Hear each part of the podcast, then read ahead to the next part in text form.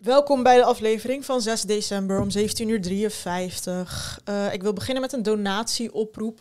Waardeer je deze afleveringen nou? Wij doen dit allemaal vrijwillig. Een video editen, opnemen en online krijgen kost soms wel meer dan 10 uur. En daar worden we nog niet uh, zo uh, heel veel voor beloond. Dus wil je nou donateur worden, dat is maar 5 euro in de maand. Dat is niks. Dat is gewoon één keer minder koffie drinken. En dan help je ons heel erg daarmee. En je wordt ook nog eens beloond met af en toe uh, iets wat je kunt winnen, zoals een boek bij een prijsvraag. En je krijgt extra content. Uh, je krijgt de afleveringen sowieso veel eerder dan de uh, mensen die het gewoon normaal op Spotify en YouTube krijgen. Soms weken eerder. Dus ik zou zeggen, overweeg dat. Goed, ik wilde beginnen met. Um, ik zei in de groep. Ja, jij, jij stuurde je huid, je hand. En oh, ja. iemand anders stuurde dat ook. Uh, hoe heet hij nou? Amen. Amen ja. En jullie hadden het over dat jullie uh, peelskin uh, ja, krijgen. wit zijn geworden. Ja, door de winter. En ik heb daar dus ook last van. Ik ben eigenlijk van mezelf heel wit. En ik ga dus regelmatig naar de zonnebank. Maar toen heb jij gezegd in de groep, ja, je bent echt dom als je naar de zonnebank gaat. ja. Want dan... Ik vind het heel raar dat zonnebanken legaal zijn. oh, dat is een bouwde stelling. Leg uit. Ja, wat, nou, is het, wat is het verschil met de normale zon? Een zonnebank is 15 keer, 12 keer sterker dan een normale zon. Ja, maar hangt er vanaf. Je kan de sterkte daaruit kiezen. Uh, ja, maar de gemiddelde zonnebank is 12 keer sterker. Je kan veel sterker gaan. Je kan tot iets van 40 keer sterker dan de zon gaan of zo. Ja. Maar de zonnebank zal altijd veel sterker zijn dan de zon. Waarom? Uh, zo voelt je, het niet per se. Ga, ja, maar omdat je geen warmte voelt. Het is alleen UV. Oh, oké. Okay. Het is alleen UV, want de zon geeft ook nog infrarode straling en dat is warmte. Maar UV voel je niet als warmte. Dat voel je meer als een soort van tintelingetje op je huid soms.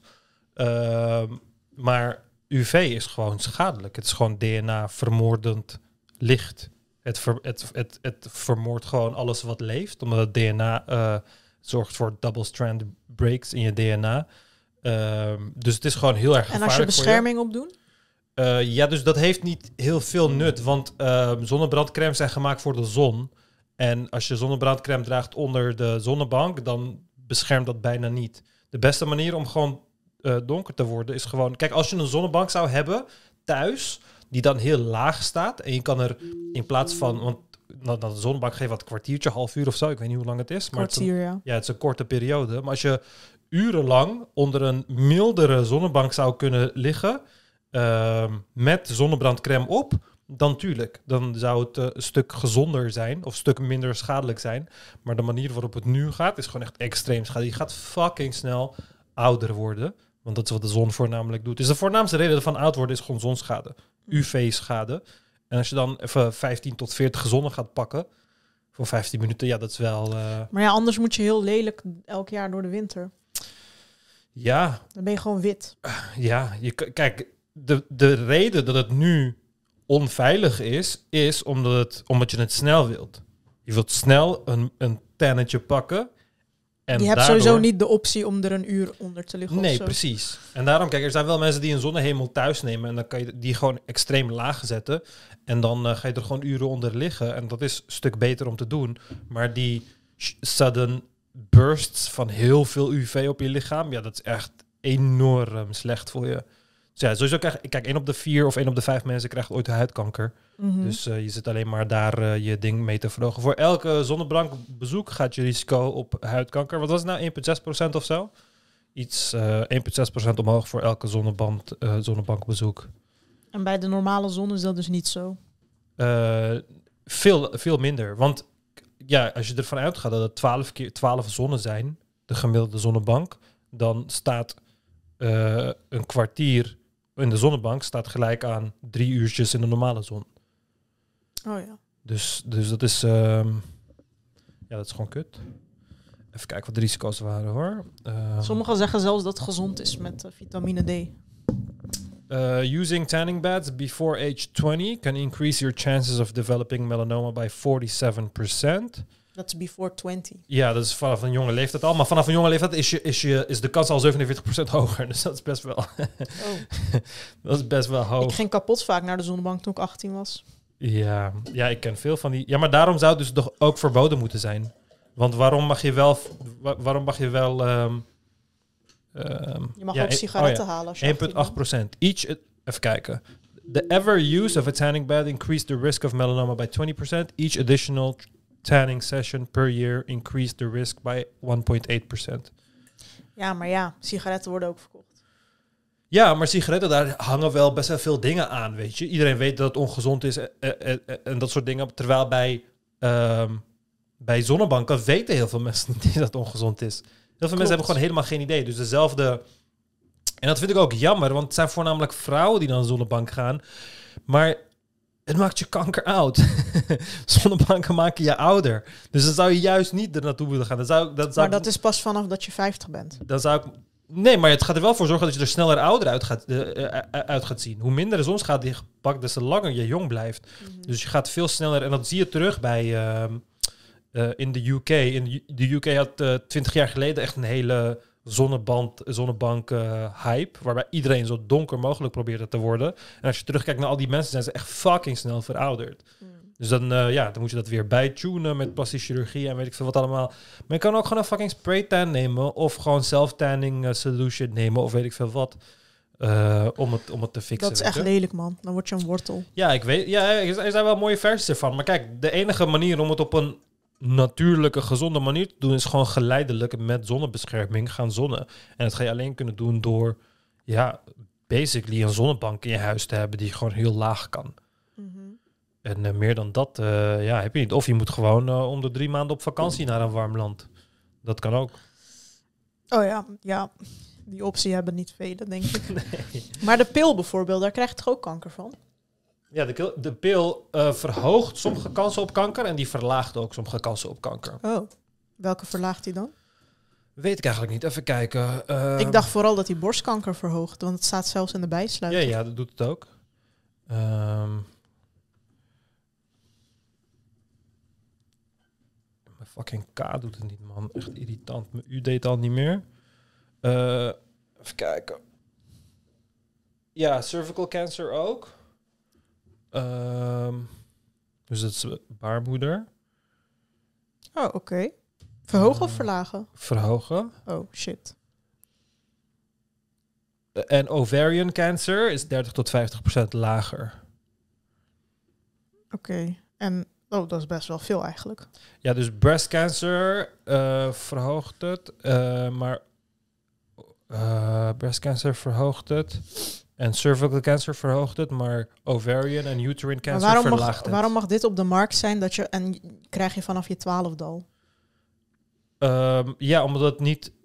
Kijk, er zitten voordelen aan en er zitten nadelen aan. Als het, als het voornamelijk kanker zou verhogen en niet andere kankers zou verlagen, dan zou het een groter risico zijn. Maar je, je zit nu eigenlijk in een balans waarbij het eindresultaat niet heel veel uitmaakt. Want de percentageverhoging voor die twee kankers en de percentageverlaging voor die andere twee kankers. Maar die andere Dat- twee kankers komen veel minder vaak voor.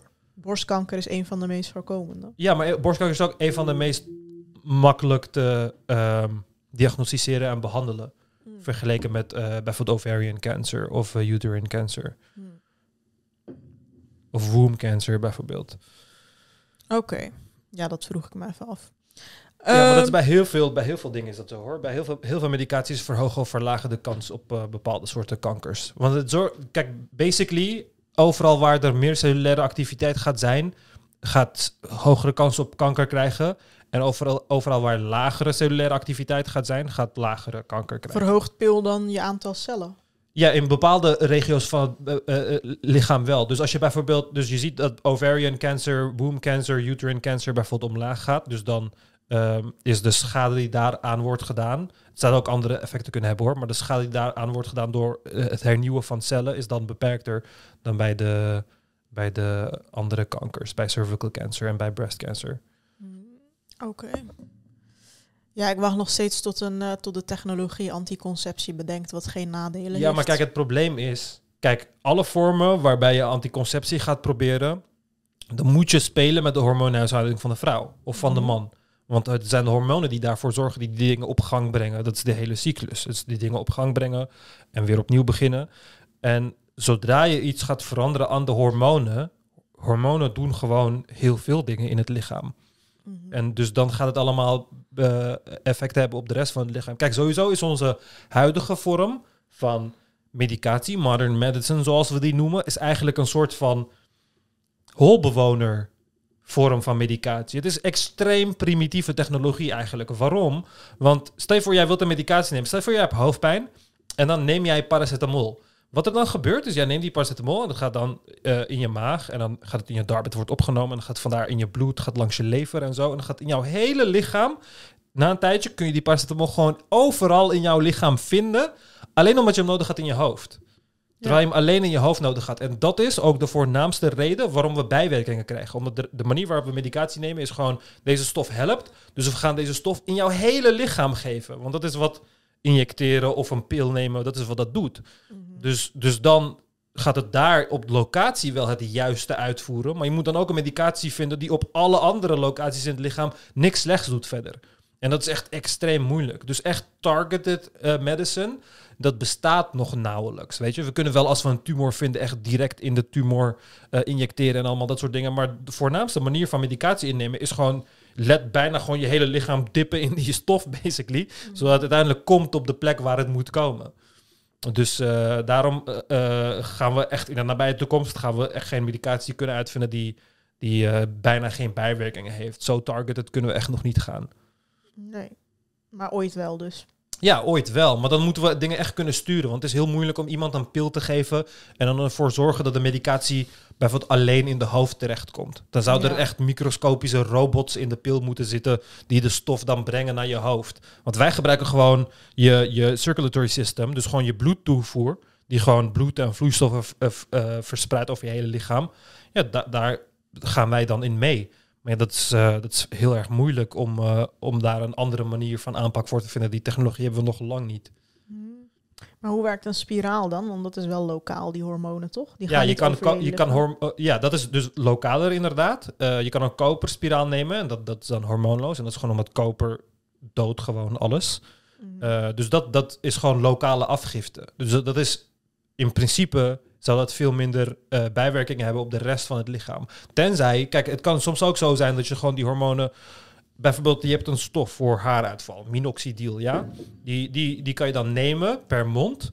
En dan kan je allemaal bijwerkingen krijgen en dat soort dingen. En dan groeit er haar over je hele lichaam. Of je kan het smeren op je hoofd. En dan groeit er alleen maar haar op je hoofd. Maar soms, sommige mensen hebben dunnere hoofdhuid. Of misschien heeft iemand zich net geschoren. Of misschien heeft iemand een wondje daar. Dus soms kan het kan een stof die je zelfs lokaal aanbrengt, omdat je hem gewoon smeert, toch opgenomen worden door het lichaam. Het heeft te maken met de properties van de stof, maar ook hoe de huid daar op de uh, dingen zit. Dus het kan ook prima zijn dat je gewoon een hormoonspiraal neemt. En dat die hormonen uh, wel lokaal worden afgegeven, maar zich verspreiden over het hele lichaam.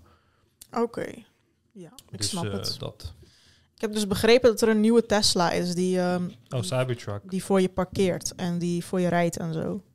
Die voor je parkeert en die voor je rijdt? Ja, dat het gewoon zelfsturend is en dat hij zelf Dat doen ze allemaal, is. toch? Oh, dat wist ik niet. Parkeren ja. ze nu ook al voor, voor ja, Al voor jaren, al echt, echt, Oh. Al vijf, zes jaar of zo parkeren ze zelf. Rijden doen ze ook gewoon zelf op de snelweg en zo. Ik dacht dat is de ultieme auto voor mij met mijn rijangst. Oh ja, als je een Tesla neemt, die rijdt gewoon, uh, die rijdt gewoon vanzelf. In Dan hoef je toch zelf minder te doen? Ja, alleen zeg maar, kijk, op de snelweg is het gewoon makkelijk. Dus op de snelweg kun je geen reet doen. En dat is ook chillen, want veel mensen vinden de snelweg juist eng. Ja, ik ook. Ja, dus uh, een Tesla doet, doet, dat sowieso. Alle, maar hij klikt ook op de rem en zo. alle, als je... Ja, ja, alle nieuwe auto's doen dat. Bijna Oh. alle uh, nieuwe auto's hebben wel een vorm van, van self-driving. Alleen compleet zelfrijdend, daar zijn we nog, nog lang niet. Maar uh, parkeren ook. Parkeren is veel makkelijker dan rijden. Parkeren doen ze echt al heel lang. Ja, dus daar was ik wel benieuwd naar. Doe altijd als ik bij Izzy in de, altijd als ik bij Izzy in de auto zit, zeg bro, bro, kijk. ja, bro, kijk. En dan gaat hij zo, zo achteruit, camera op die scherm. Dan zeg ik, kijk, hij parkeert zelf, bro. Ja, hij is helemaal onder de indruk ja. uh, van zijn auto. Ja. Um, ik wilde kijken naar een filmpje van Nadia over feminisme. Ja. Uh, kan jij die nog vinden? Of? Ja.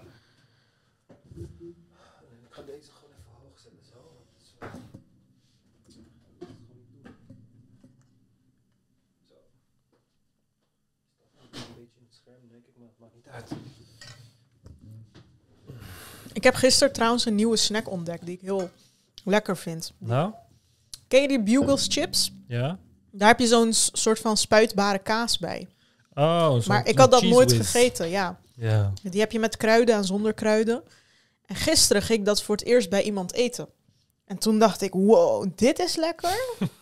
Echt. Een soort van alsof Lale is ready to, om al haar progress ongedaan te maken.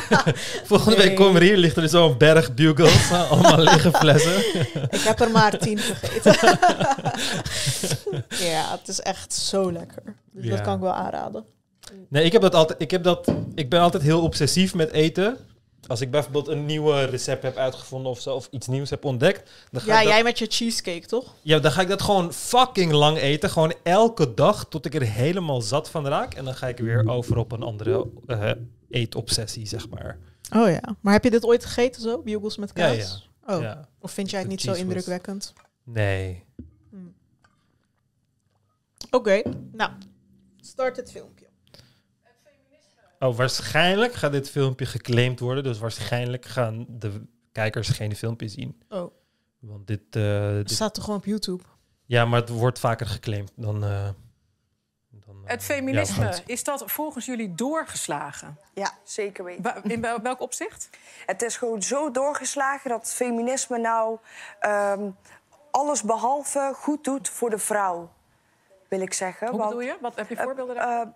Ik weet niet hoe ik het goed moet uitleggen. Dit, dit is een hele goede, heel goed voorbeeld van iemand die echt iets vindt. Vindt echt iets. Zij En ze echt- vindt het ook heel sterk. Ja, zeggen van ja, ja, dat vind ik. Het is inderdaad doorgeslagen. En wanneer je erom vraagt, dan lukt het niet om erop te komen. Dan lukt het gewoon niet. Ze Als weet ik- nu al niet hoe ze het moet uitleggen. Ja, Eerste seconde. Als ik, als ik zo heftig zou zeggen, ja, dat is echt zo, dan zou ik echt pap, pap, pap, pap, met allemaal dingen komen van redenen waarom het zo is. Maar het lukt er gewoon niet.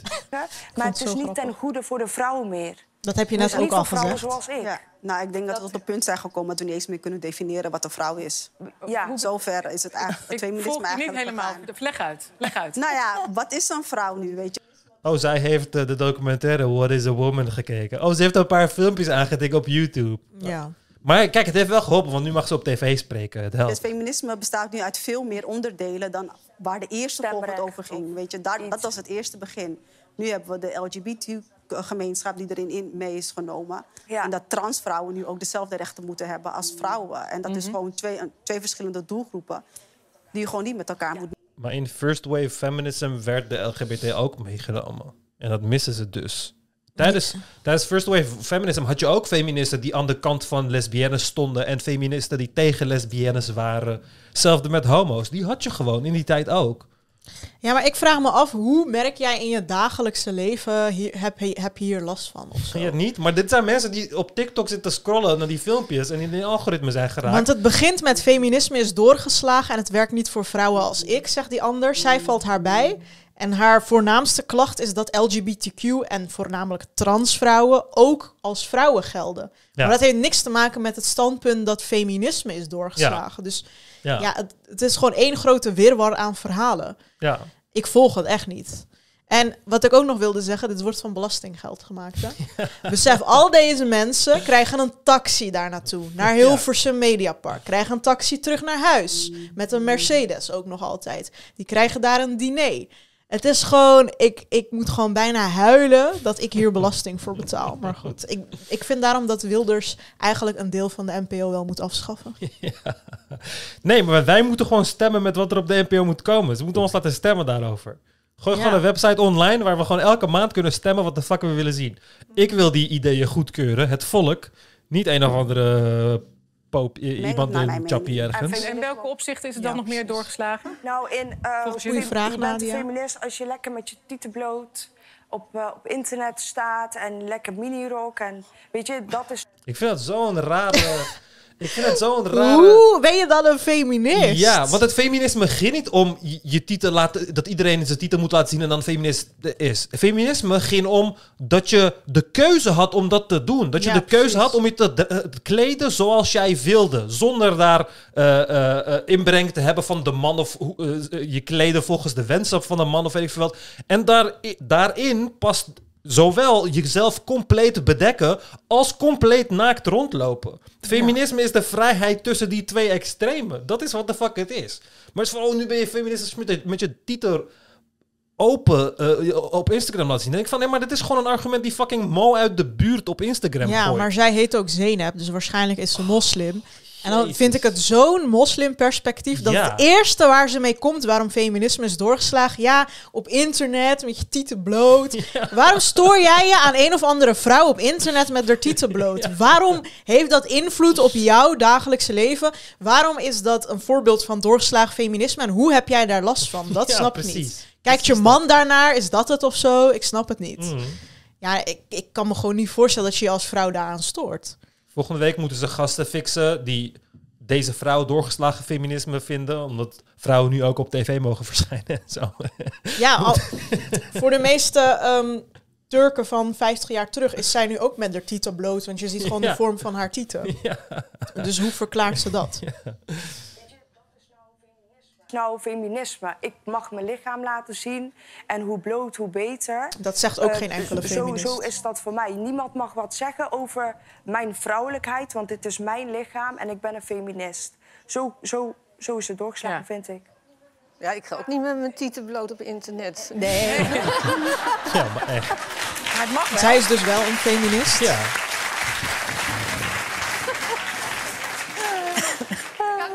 Nee, maar als ik ook denk aan... Als ik denk aan feministen in mijn hoofd... Dan denk ik niet aan tieten bloot op Precies, internet. precies dat. Het is nooit dat ik dan een chick zie, titelbloot op internet, die dan opkomt voor feminisme. Oké, misschien free the nipple, dat was wel even een movement of zo. Maar voor de Oh, dat rest, bedoelt ze. voor, maar voor de rest is, is dat gewoon totaal niet het, niet? het geval. Nee. Maar- Iemand wel? Die zin, nou, mag ook, mag ook. Maar, maar jullie zijn Nee, maar- feminist nee, van de eerste sorry, uur. is flauw, maar waarom denk je dat? Dat begrijp ik niet. Nog, één, nog één keer? Eh, eh, Ik, begrijp niet waarom je dat denkt. Nou, ik Ja. zal het je uitleggen. Het wordt nou, het wordt nou zo gezien van... Ja, ik weet ook niet hoe, eh, hoe ik het moet uitleggen. Kijk, Steed. Nou, kijk, ik ga het je uitleggen. Kijk. nou, ik weet eigenlijk niet hoe ik het moet uitleggen. Oh my god, hoe kun je zo zelfverzekerd op tv zitten? Ik zou, ik zweer, als ik dit optreden had, zou ik Ja. gewoon echt nooit meer buiten de deur Ja. komen. Ik zou me kapot schamen. Maar gewoon. echt. Zeg ook, ik weet ook niet hoe ik, moet, hoe ik het moet uitleggen, mijn gedachtegang. Omdat het geen gedachtegang is. Het is emotie. Het is emotie. Je hebt allemaal dingen gehoord die jou zo'n shock hebben gegeven van... Oh, kijk hoe gek en weet ik veel wat. Ja. Maar je kan, het niet, je kan het niet tot een narratief knopen gewoon. Je kan, er, je kan er geen mening uit vormen. Het is gewoon een gevoel. Het is een gevoel. Daarom kun je het niet uitleggen. Maar ik snap ook niet hoe je vanaf de eerste zin al iets niet kan uitleggen. Ja, terwijl je net vijf seconden ervoor zegt van... Oh, nou ga ik je even uitleggen. Ja, als je het midden in je verhaal doet, oké, dan ben je de draad even kwijt. Maar dit is gewoon twee keer aan het begin. What the fuck? Misschien, snap jij wat ik Ja, bedoel? Jessie? Ja? Ehm, ik denk wat eh Zeynep bedoelt. Oh, je is gaat dat, even eh, doorpassen. heel van de man. niet zoveel met feminisme te maken hebben onder het mom van feminisme worden gegooid. eh, om ja, een, een verklaring te geven voor bepaalde gedrag. Gedrag, ja. Maar wat dan Ja. bijvoorbeeld? Een gebrek aan Zoals? bijvoorbeeld traditionele waarden, normen en waarden. Zeg, Zoals? ik wil geen kinderen, ik wil niet trouwen, ik wil niet dat de man Feminisme is toch werkt, tegen ik wil het allemaal traditionele zelf waarden? doen. Ja. En dat is allemaal prima, maar ehm, wanneer je dan Jezus, niet tevreden bent dat met is je wel leven doorgeslagen, en, ja. Je zou maar moeten werken. Met katten en Gucci-tassen. Dan, dan, dan eh, gooi je dat onder het mom van... ik ben feminist en ik ben prima tevreden. En Oké. ik denk ook... Zo raar. Hè? What the fuck? Alsof Marokkaanse vrouwen die getrouwd zijn geen Gucci-tassen en katten hebben of Ja, zo. en alsof die per definitie gewoon echt fucking blij zijn of zo. Het is echt blij zijn met hun leven of zo. Het Maar echt- hoe kom je er ook bij dat elke feminist alleen eindigt met katten en Gucci-tassen? En hij komt met, ja, ik wil niet dat de man werkt, ik wil het zelf doen. Ja, geen kinderen achter je carrière aangaan en weet ik veel wat allemaal. En dan denk ik van, ja, maar feminisme gaat niet om dat je dat doet. Opnieuw, feminisme gaat om dat je de vrijheid hebt om dat Precies, te doen. dat sowieso. Dat als je daarvoor kiest, dat je dat mag doen. Het is zo raar. Maar- nee, maar dit doen ze met alle onderwerpen. Het is ook met LGBT. Dat betekent niet, we gaan homo's accepteren. Dat moet normaal zijn. Dat betekent, iedereen moet homo worden. Ja. Feminisme betekent, niemand moet meer kinderen. En de man moet overbodig zijn. Dat is Ja. niet wat het betekent. Ik vind het ook grappig dat hij begint met werken. Ik bedoel, voor wat studeer je? Voor, voor wat studeren vrouwen als ze niet gaan werken? Waarom zitten ze dan op de universiteit? Dus hij gaat tegen zijn zus zeggen, als die weet ik veel, biologie studeert of zo, van ja, studeer maar niet, want jij moet tegen, nee, voor traditionele waarden zijn, anders eindig je met katten en Gucci-tassen. Ja, maar je gaat je ook in je eigen voet schieten. Want als dat de norm moet zijn, oké, het moet vrouwen moeten niet meer werken. Het moet niet meer normaal zijn dat vrouwen gaan werken. Oké, top. Maar dan moet je wel weten dat alleen rijke rijke mannen nog vrouwen krijgen? Ja, In precies. deze economie moet je fucking veel verdienen als jouw vrouw niet moet werken. Hoe de fuck moet je als man de huur betalen en de Alles, kinderen ja. en je vrouw Ja, en alles. vakanties als een vrouw alleen maar thuis zit? Dus dan krijgen alleen maar rijke mannen de vrouwen. Dus ik weet niet waarom je dat zou willen. Het is zo raar. Het is echt zo raar. Ja, ik vind het echt grappig dat hij begint met werk. Wilt hij dan een vrouw die niet werkt? Dat is gewoon tegen jezelf hoor. Nee, maar wat als ze op werk een leuke jongen tegenkomt? Hoe kan werken iets zijn waar je aan stoort? Serieus, je kan sowieso part-time werken. Als je wil dat ze meer met de kinderen is of zo. ja, Je kan van alles erop verzinnen, maar niet werken. Ik bedoel, wie doet dat nog? ja. Zijn die feministen dan die jullie Nou, kennen? Ja, die zijn er wel. Ja, precies. Die Maar was de wel. seksuele vrijheid, was dat ook niet een belangrijke rol binnen de twee? Uiteraard Maar was dat- ja. belangrijk. Misschien ja, dat, ze, dat, ze dat, dat ze dat Ja. bedoelt. Eh, van dat, eh, Maar dat- seksuele vrijheid is ook de vrijheid om bijvoorbeeld wel of niet eh, bloot. Dat is een, een uitingsvorm die mensen sociaal misschien op social media kunnen doen.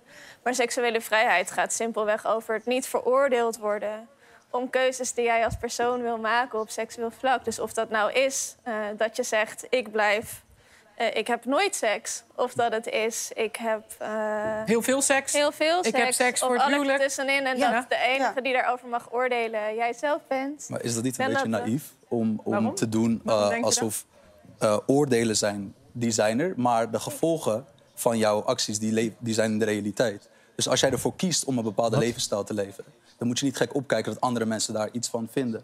ja, En net zo, Wat? Wat? What the fuck? Dit is zo fucking raar.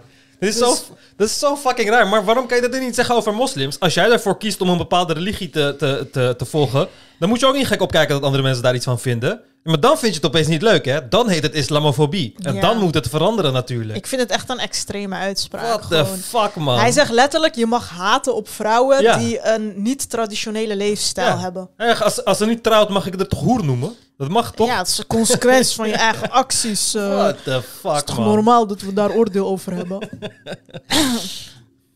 als jullie als je dus om lachen om haar tieten verhaal. Maar, maar ik, ik, ik probeer het nog even te begrijpen. Hè? Want eh, ik, ik zal even een, een feitje Ze gaat, ook hele, dat ze, het ga- ze gaat niet in op wat hij zegt. Maar dat vind ik Research heeft ook onderzoek gedaan uh, of mensen vinden dat het feminisme is doorgeslagen. En onder de mannen in Nederland, volgens onderzoek, is, vindt 37% dat. Dat is uh, best veel, vind ik. Um, gebaseerd en, en ruim op wat? Een, 28% van alle Nederlanders vindt dat het feminisme is doorgeslagen. Maar als we nou even kijken naar de verworvenheden van het feminisme... Anticonceptie, Ja, abortus, ja, stemrecht... zeker. Recht om mogen werken, recht op onderwijs, eh, recht om niet verkracht te worden in je eigen huwelijk. Ja, Is dat hele- Recht om met andere vrouwen te trouwen als je daar behoefte aan Ja, hebt. is dat Ja. dan wat jullie betreft dan ook niet goed? Nou, een aantal van deze dingen zijn uiteraard bijna primaire levensbehoeftes en die Ja. moeten altijd worden beschermd. Maar een aantal, ja, maar Welke dat zijn ook niet meer kwesties van tegenwoordig. Ik betwijfel Nee. dat mensen zich zorgen maken over hun, hun kiesrecht als vrouw zijnde. Nee, Die hun recht hebben we al behaald, toch? Ja, dus waar vecht je Nou. voor? Maar in welk opzicht is het dan doorgeslagen? Ja, vraag. dat- In dat alles, alles wat een vrouw doet, wat, wat eigenlijk niet, niet zozeer met traditie te maken heeft... of iets aparts is, wordt op, op de rug van feminisme gegooid. En daar wordt dan een discussie over Kom met een voorbeeld. Als iemand, bijvoorbeeld wat ik net zei met die tieten bloot... als je daar wat Oh, van weer zegt, dan mag dat niet meer, want ik ben een feminist. Ik mag dat. Dat bedoel ik. Ja, maar dat Als vind je, Wat? Wat? als je daar iets van zegt, mag dat niet meer. Als jij kritiek op mensen hebt, mensen hebt, mogen mensen gewoon kritiek hebben op jouw Ja, uitspraak. precies. Je zo van, ja, nee, ik wil gewoon kritiek hebben en ik wil geen weerwoord terug. Ja, deze mensen vinden ook allemaal dat je geen kritiek op de islam moet hebben, bijvoorbeeld. Maar ja, het is Zo raar. bizar. Ja, maar ze ziet ook de ironie niet in. Want er zijn zoveel moslims die tegen haar zouden zeggen... Ah, vieze hoeren, ga je met je open schouder Ja, op ik zie tv. gewoon haar BH-bandje, Ja, ik zie gewoon je. BH-bandje, hè. Ja, het is zo raar. Zo raar.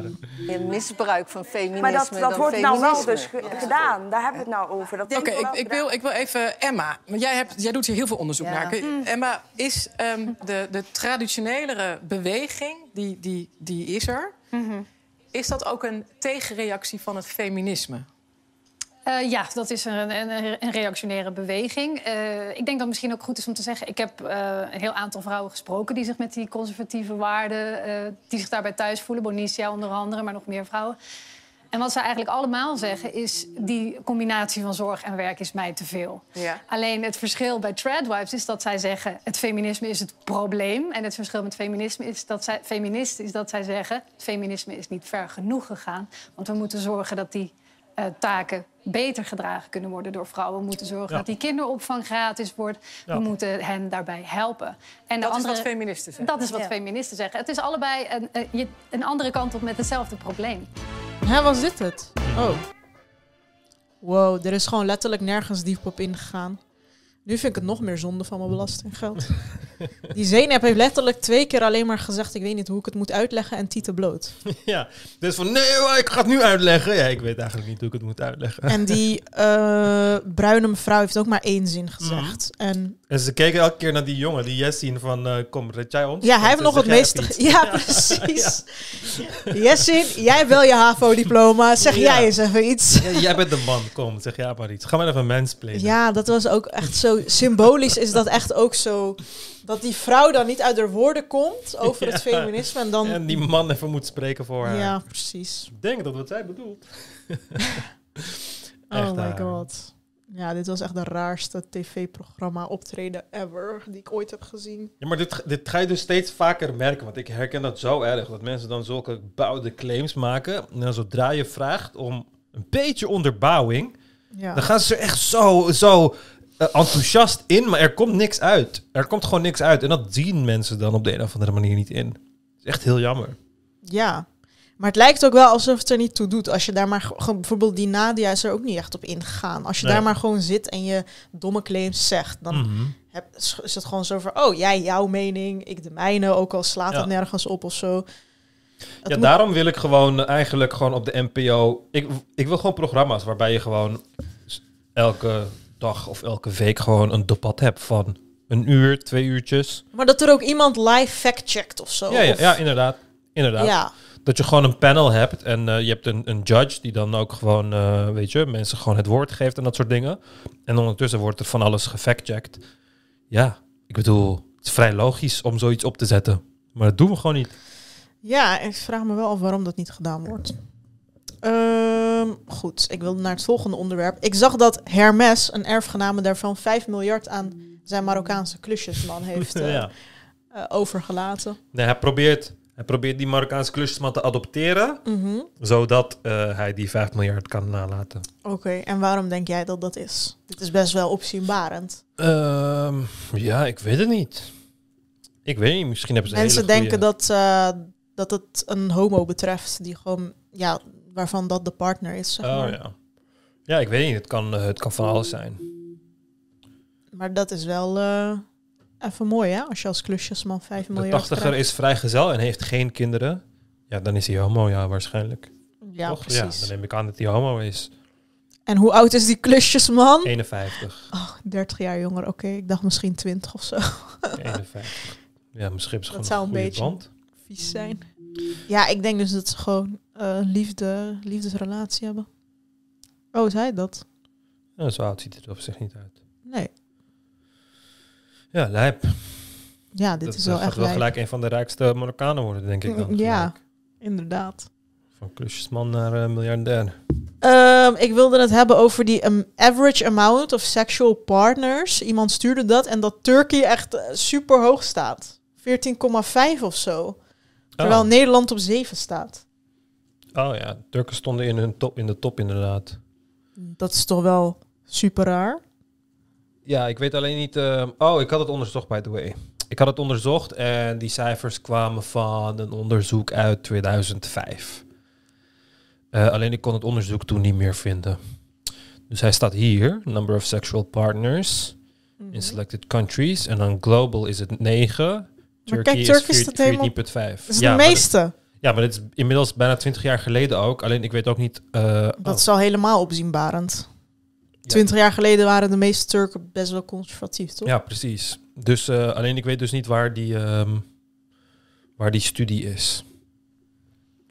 Maar dat is het probleem. Kijk, ehm, er worden zo weinig studies gedaan op dit soort vlakken. Bijna niet. Ja, want het is niet echt belangrijke Ja, informatie. daar- zo. waardoor je dus een hele oude studie pakt en dan geldt die studie gewoon voor altijd. Want ik kan bijvoorbeeld, ehm, kijk, dan is er gewoon, het eerste resultaat op Google is dan van, ehm, Average number of sexual partners by country 2023. En dan is het precies dezelfde data. Kijk, Mhm. Ja. Turkey 14,5. Dit is ja. gewoon die data van 2005. Oh ja, dat is En dan raar. naar 2023 gebracht. Want er is maar één datapunt. Er is maar één studie Maar gedaan dan moeten ze niet eh valselijk 2023. Ja, maar dat, dat is wat je doet. Dat is met al die dingen zo. Want dit zijn eigenlijk... Misschien als je nu zou onderzoeken, is het bij Turkije, is het in Turkije 28 of zo. Ja, het zou, het zou helemaal anders kunnen zijn. En sowieso, als je die originele studie niet kan vinden, dan is... is maar is het een goed uitgevoerde studie? Want ik geloof het bijna niet. Nee, want als er zoveel landen aan meedoen, dan is het waarschijnlijk... eh, ehm, dan is het waarschijnlijk een studie geweest die ehm, ja, op afstand is gedaan, als het ware. Dat mensen gewoon zelf... Enquête. Ja. Oh ja, zie ik die Turkse grappenmakers al zo invoeren. ja, nou, 105. als Turk zou ik ook gewoon 50 zeggen als ik in Ja. Turkije woonde. Zo. Je hebt toch scheid. Alleen ik moet dus, eh, je moet dus een, ehm, je moet dus een account hebben om die sources te zien. En dat had ik toen niet gedaan. Oh ja. Maar ja, dat dus. Toen ik een VU-account had, kon ik op dit soort websites altijd eh, kijken, toch? Dan, Oh eh, ja, kan, eh, kan op zich nog steeds. Eh, alleen moet je gewoon een ding voor gebruiken. Een eh sci-hub.se, daar kun je gewoon, eh, Ga je nu een account maken? ja, gewoon even snel. Ik wil gewoon die source even zien. Oké. E-mailadres. Oh, ik moet zeker het business e-mailadres invoeren. Oh, dat is wel irritant. Dan moet scroll een Gmail zijn, toch? fuck dit. Ja, oké. nee, dan is het gewoon geen betrouwbare studie. Average amount of section, ja. Of bestaan er andere studies over? Nee, ja? Nee, Dat zei ik je denk, net. ik denk ook niet dat je die eh, makkelijk gaat krijgen. Ik ga wel even zoeken, maar... ehm, Oh, het was gewoon een Global Sex Survey van Durex. Het was een studie van Durex. Ja, oké, nou, dat kunnen we dan... Waarschijnlijk is het gewoon via het internet gegaan dan. Ja, precies. En dan vullen grappenmakers in Turkije gewoon in 200. Ja. Ja, dit is gewoon een eh, studie van eh 2005. Oh, je hebt hem gevonden. Ja, hoeveel mensen hebben meegedaan? Staat het ergens? Wel grappig dat dan Turkije zoveel invoert vergeleken met die andere landen. Wow, rijke mensen die verliezen hun, eh, die verliezen hun maagdelijkheid sneller dan minder arme mensen. Dat is, dat is wel gek. Maar dit is alleen Hongkong volgens mij. Rates of... wacht, Ik moet het even uitzetten. Dat geloof ik niet hoor. Rate of unprotected sex versus average age at first sex. Jezus, Indiërs hebben pas op 20-jarige leeftijd first sex. Hmm. IJsland het eerst. IJsland, Germany, Denmark, Sweden. Het Op meest. zich is dat niet gek in India, want daar worden meisjes heel erg beschermd. De Noren eh, doen het het meest aan onveilige seks. Turken zitten op eh 50% of zo. Waar is Nederland eigenlijk? Turken zitten bij Griekenland. Op zich is dat wel logisch, buurlanden. Oh, ja, maar Griekenland heeft wel bijna twee keer zoveel unprotected seks. Oh, En Turken op 18-jarige leeftijd eerste seks. Nederlanders op 16,5. Ik was 15 of zo, dus ik, ik zit echt eh, ver onder het gemiddelde. Even kijken, rate of unprotected sex by age groups. Nou, hoe ouder je wordt, hoe des te meer eh, unprotected sex. Dat is logisch. Ehm, onder de 16 doet alleen maar 25% aan unprotected sex of zo. Ehm, sexuality, singles en in een relationship doen op zich gewoon vrij in de buurt aan unprotected sex.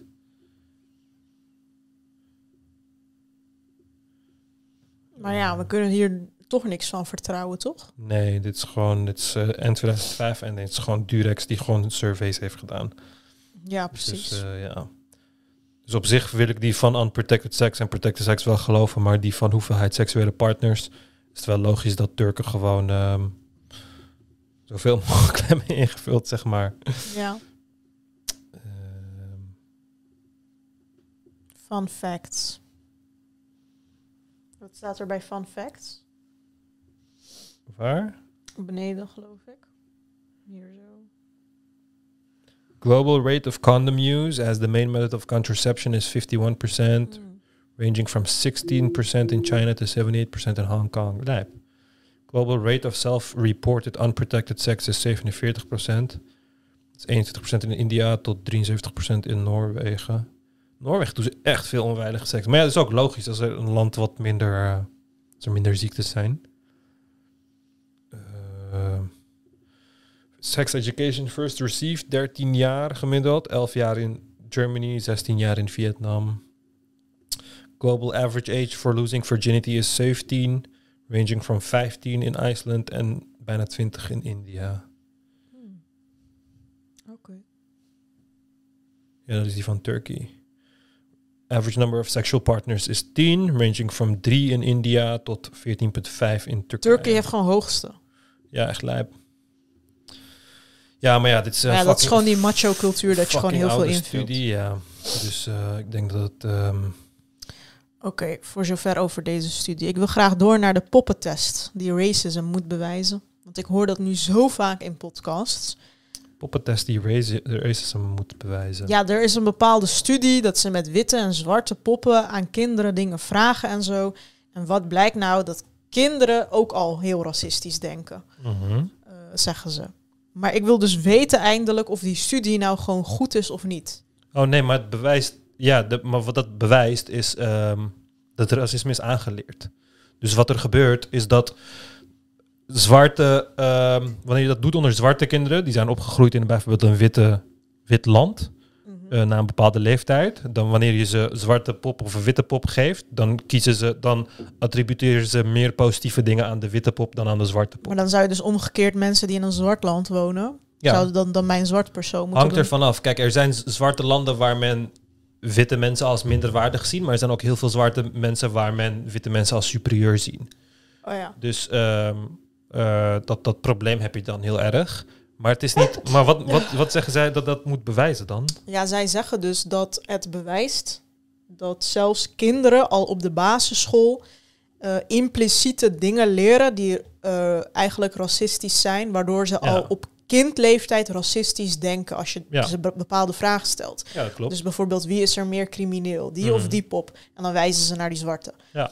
En zij denken dus dat dat komt door schoolboeken en lesmethodes. Ja, maar Terwijl- alles. Het is gewoon het, is gewoon het hele het, is gewoon het leven die je hebt. Kijk, simpele dingen zoals bijvoorbeeld meer zwa- zwarte representatie in tekenfilms. Wat je Ja. vroeger helemaal niet had. Iedereen keek, keek gewoon tekenfilms met gewoon witte kinderen. Ja. En dan kwamen ze op school en daar waren zwarte kinderen. En waar zagen ze zwarte kinderen, no- eh, eh, mensen nog meer? Nou, weet ik veel, gewelddadige rapvideo's of zo. Weet ik veel, gangster shit of zo, weet je? Be- beetje criminele dingen. Dus dat is waar je dat eh, kreeg. Dus dat was ook de reden waarom men veel meer ehm, ehm, eh, wilde doen aan de representatie van andere rassen binnen schoolsystemen, binnen de media, binnen eh, al die dingen. Dus ja, maar dat is ook niet, ik weet niet, ik vind, dat, ik vind het niet een hele, hele, ik vind het niet een hele unieke studie of zo. Het, het leek me vrij voor de hand, want we weten zelfs dat bij, zelfs honden kunnen dat aangeleerd krijgen.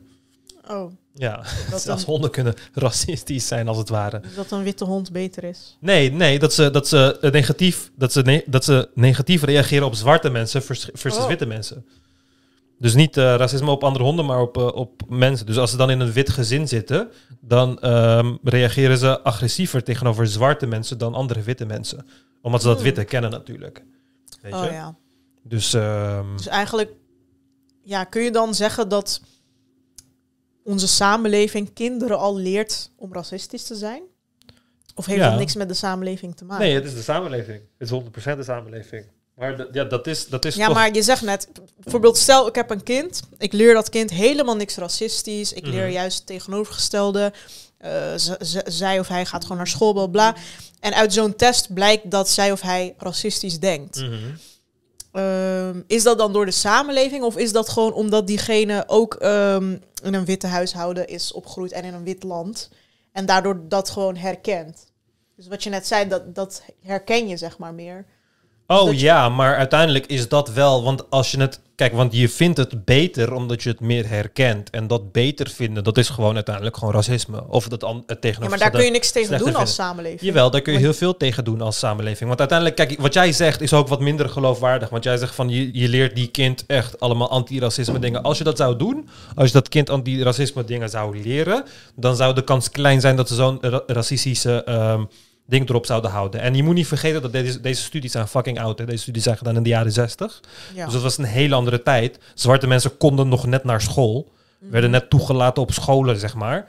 Dus ehm, de, op dat punt waren de attitudes ook eh, veel eh, extremer. En tegenwoordig, die studie is heel vaak herhaald. En in sommige landen is dat minder geworden, in sommige landen is dat meer geworden. Afhankelijk van. Kijk, als je een compleet dominant eh, wit land hebt, dan zul je niet veel van die racisme kunnen opmeten. Want er zijn geen mensen om racistisch tegen te doen, zeg maar, weet Ja. je. Maar zodra landen dan bijvoorbeeld een eh, migrantentoestroom krijgen, dan zag je dat. Want dan is de samenleving nog steeds... ehm, dan groei je op in een samenleving die, die nog steeds doorgaans wit is, terwijl de populatie niet meer doorgaans wit is. En dan kreeg je dat gewoon. En dat is eigenlijk altijd de reden geweest waarom minorities gediscrimineerd werden. eh, omdat het gewoon onbekend is. En dat speelt gewoon in op hele animalistische dingen. Want wij willen gewoon eh, dingen die bekend zijn. Want bekendheid eh, is veiligheid. Want je, bent, je komt daar vandaan, je bent daar veilig. Dus de kans dat daar iets gebeurt is heel klein. En bij, van nieuwe dingen zijn we bang. En eh, de society richten we ook op zo'n manier op. In onze films, in onze boeken en allemaal dat soort dingen.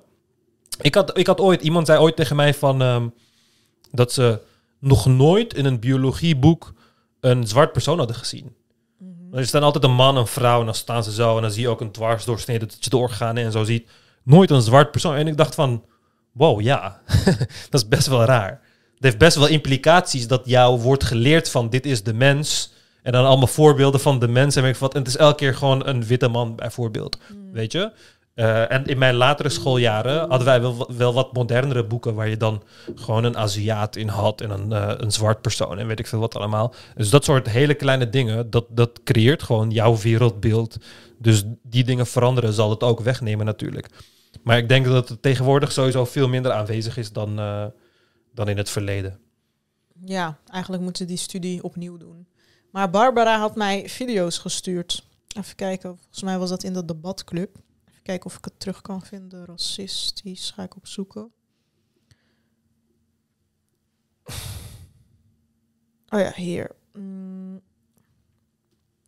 Four to six year old reviews dolls of different skin colors. A class divided, full documentary. Ehm, laten we die eerste video maar even kijken. Ik ben wel benieuwd.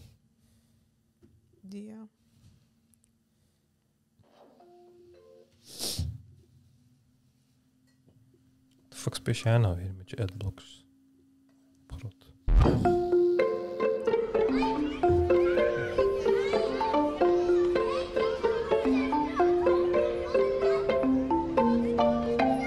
The first one. Yeah, this one. Wel grappig, hè? Dat het zo snel wordt besloten. Ze twijfelen niet The eens. skin is shiny. This one. Hmm, this one. This one. Oh, ze kiezen niet voor de zwarte dol. Because this is ba- baby. Ze kiezen voor de bruine. Because the brown is so dark. He is no cute. I think this one. Chinese I don't really like. one play with me and all the other never play with me.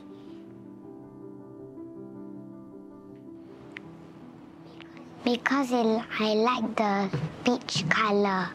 This one. This one.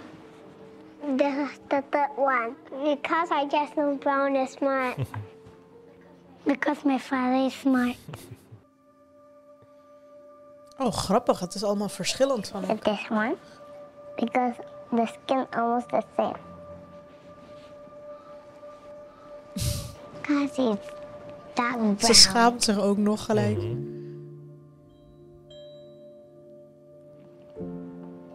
This, this one. Wat was de vraag? Which one do you want to be like the most? I want to be born peach color. Weet je, dit is wel echt erg zeg. Zo zielig, man. Ja. Dit is zo zielig.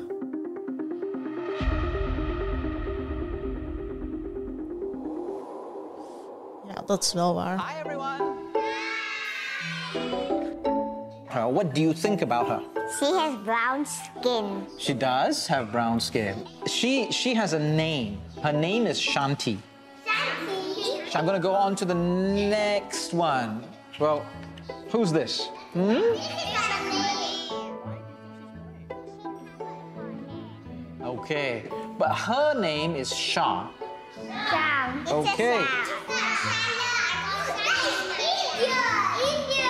Okay. Eerste wat ze His opvalt is het name ras is steeds. Raj. Joe. Joe. What's her name? Do you remember? Shah. That's right. Okay, we'll see. See who can remember. Who's this? Rita! Rita. She's smiling. And how about this one? Yeah. She likes to dance. Why do you think she likes to dance? Because he has skirt. Because she has a skirt, she likes to dance? Okay, what about this guy? But I think he loves to wash his teeth. They made stuff up. But to my mind, that was a striking thing. Put a name there, and suddenly these become people, they, they have imaginary lives. There's a story there that the children want to know about. By encouraging kids to categorize each face even further as individuals with their own names, instead of the broader marker of race, it can reduce their implicit racial bias. Ja, Ja, wel een mooie video. In welk land is dit? Singapore. Maar het is wel vanzelf... Oh, het is een Singapore Public Bro- Broadcast Service. Het is de publieke omroep van hun. Oh. Maar het is ook wel... Het is, het is echt voor de hand liggend dat het zou gebeuren. Ehm, we weten ook Nou, al ik heel schrok lang er dat wel het van gebeurt. hoor. Oh nee, we weten al heel lang dat het gebeurt. Maar daarom, is het ook zo, daarom zijn al die dingen ook heel belangrijk. Daarom was al die shit zoals dat er ook bruine Barbies moeten komen. En dat er ook bruine Disney-prinsessen moeten zijn. Of Aziatische en weet ik veel. Daarom was dat zo belangrijk. Want vooral in ontwikkelingslanden. Kijk, hier, eh, als, je, als je wit bent in Nederland, dan zul je niet heel erg merken dat kinderen die hier opgroeien. Want je zit niet in de omgeving. Dus je zult niet merken dat kinderen die hier opgroeien. Eh, opgroeien met een bias waarbij ze zichzelf minder waardig vinden. Zeg maar. Dus dat merk je niet echt. Maar wanneer je als wit persoon op vakantie gaat, vooral naar Azië, ehm, kan je gewoon alles maken.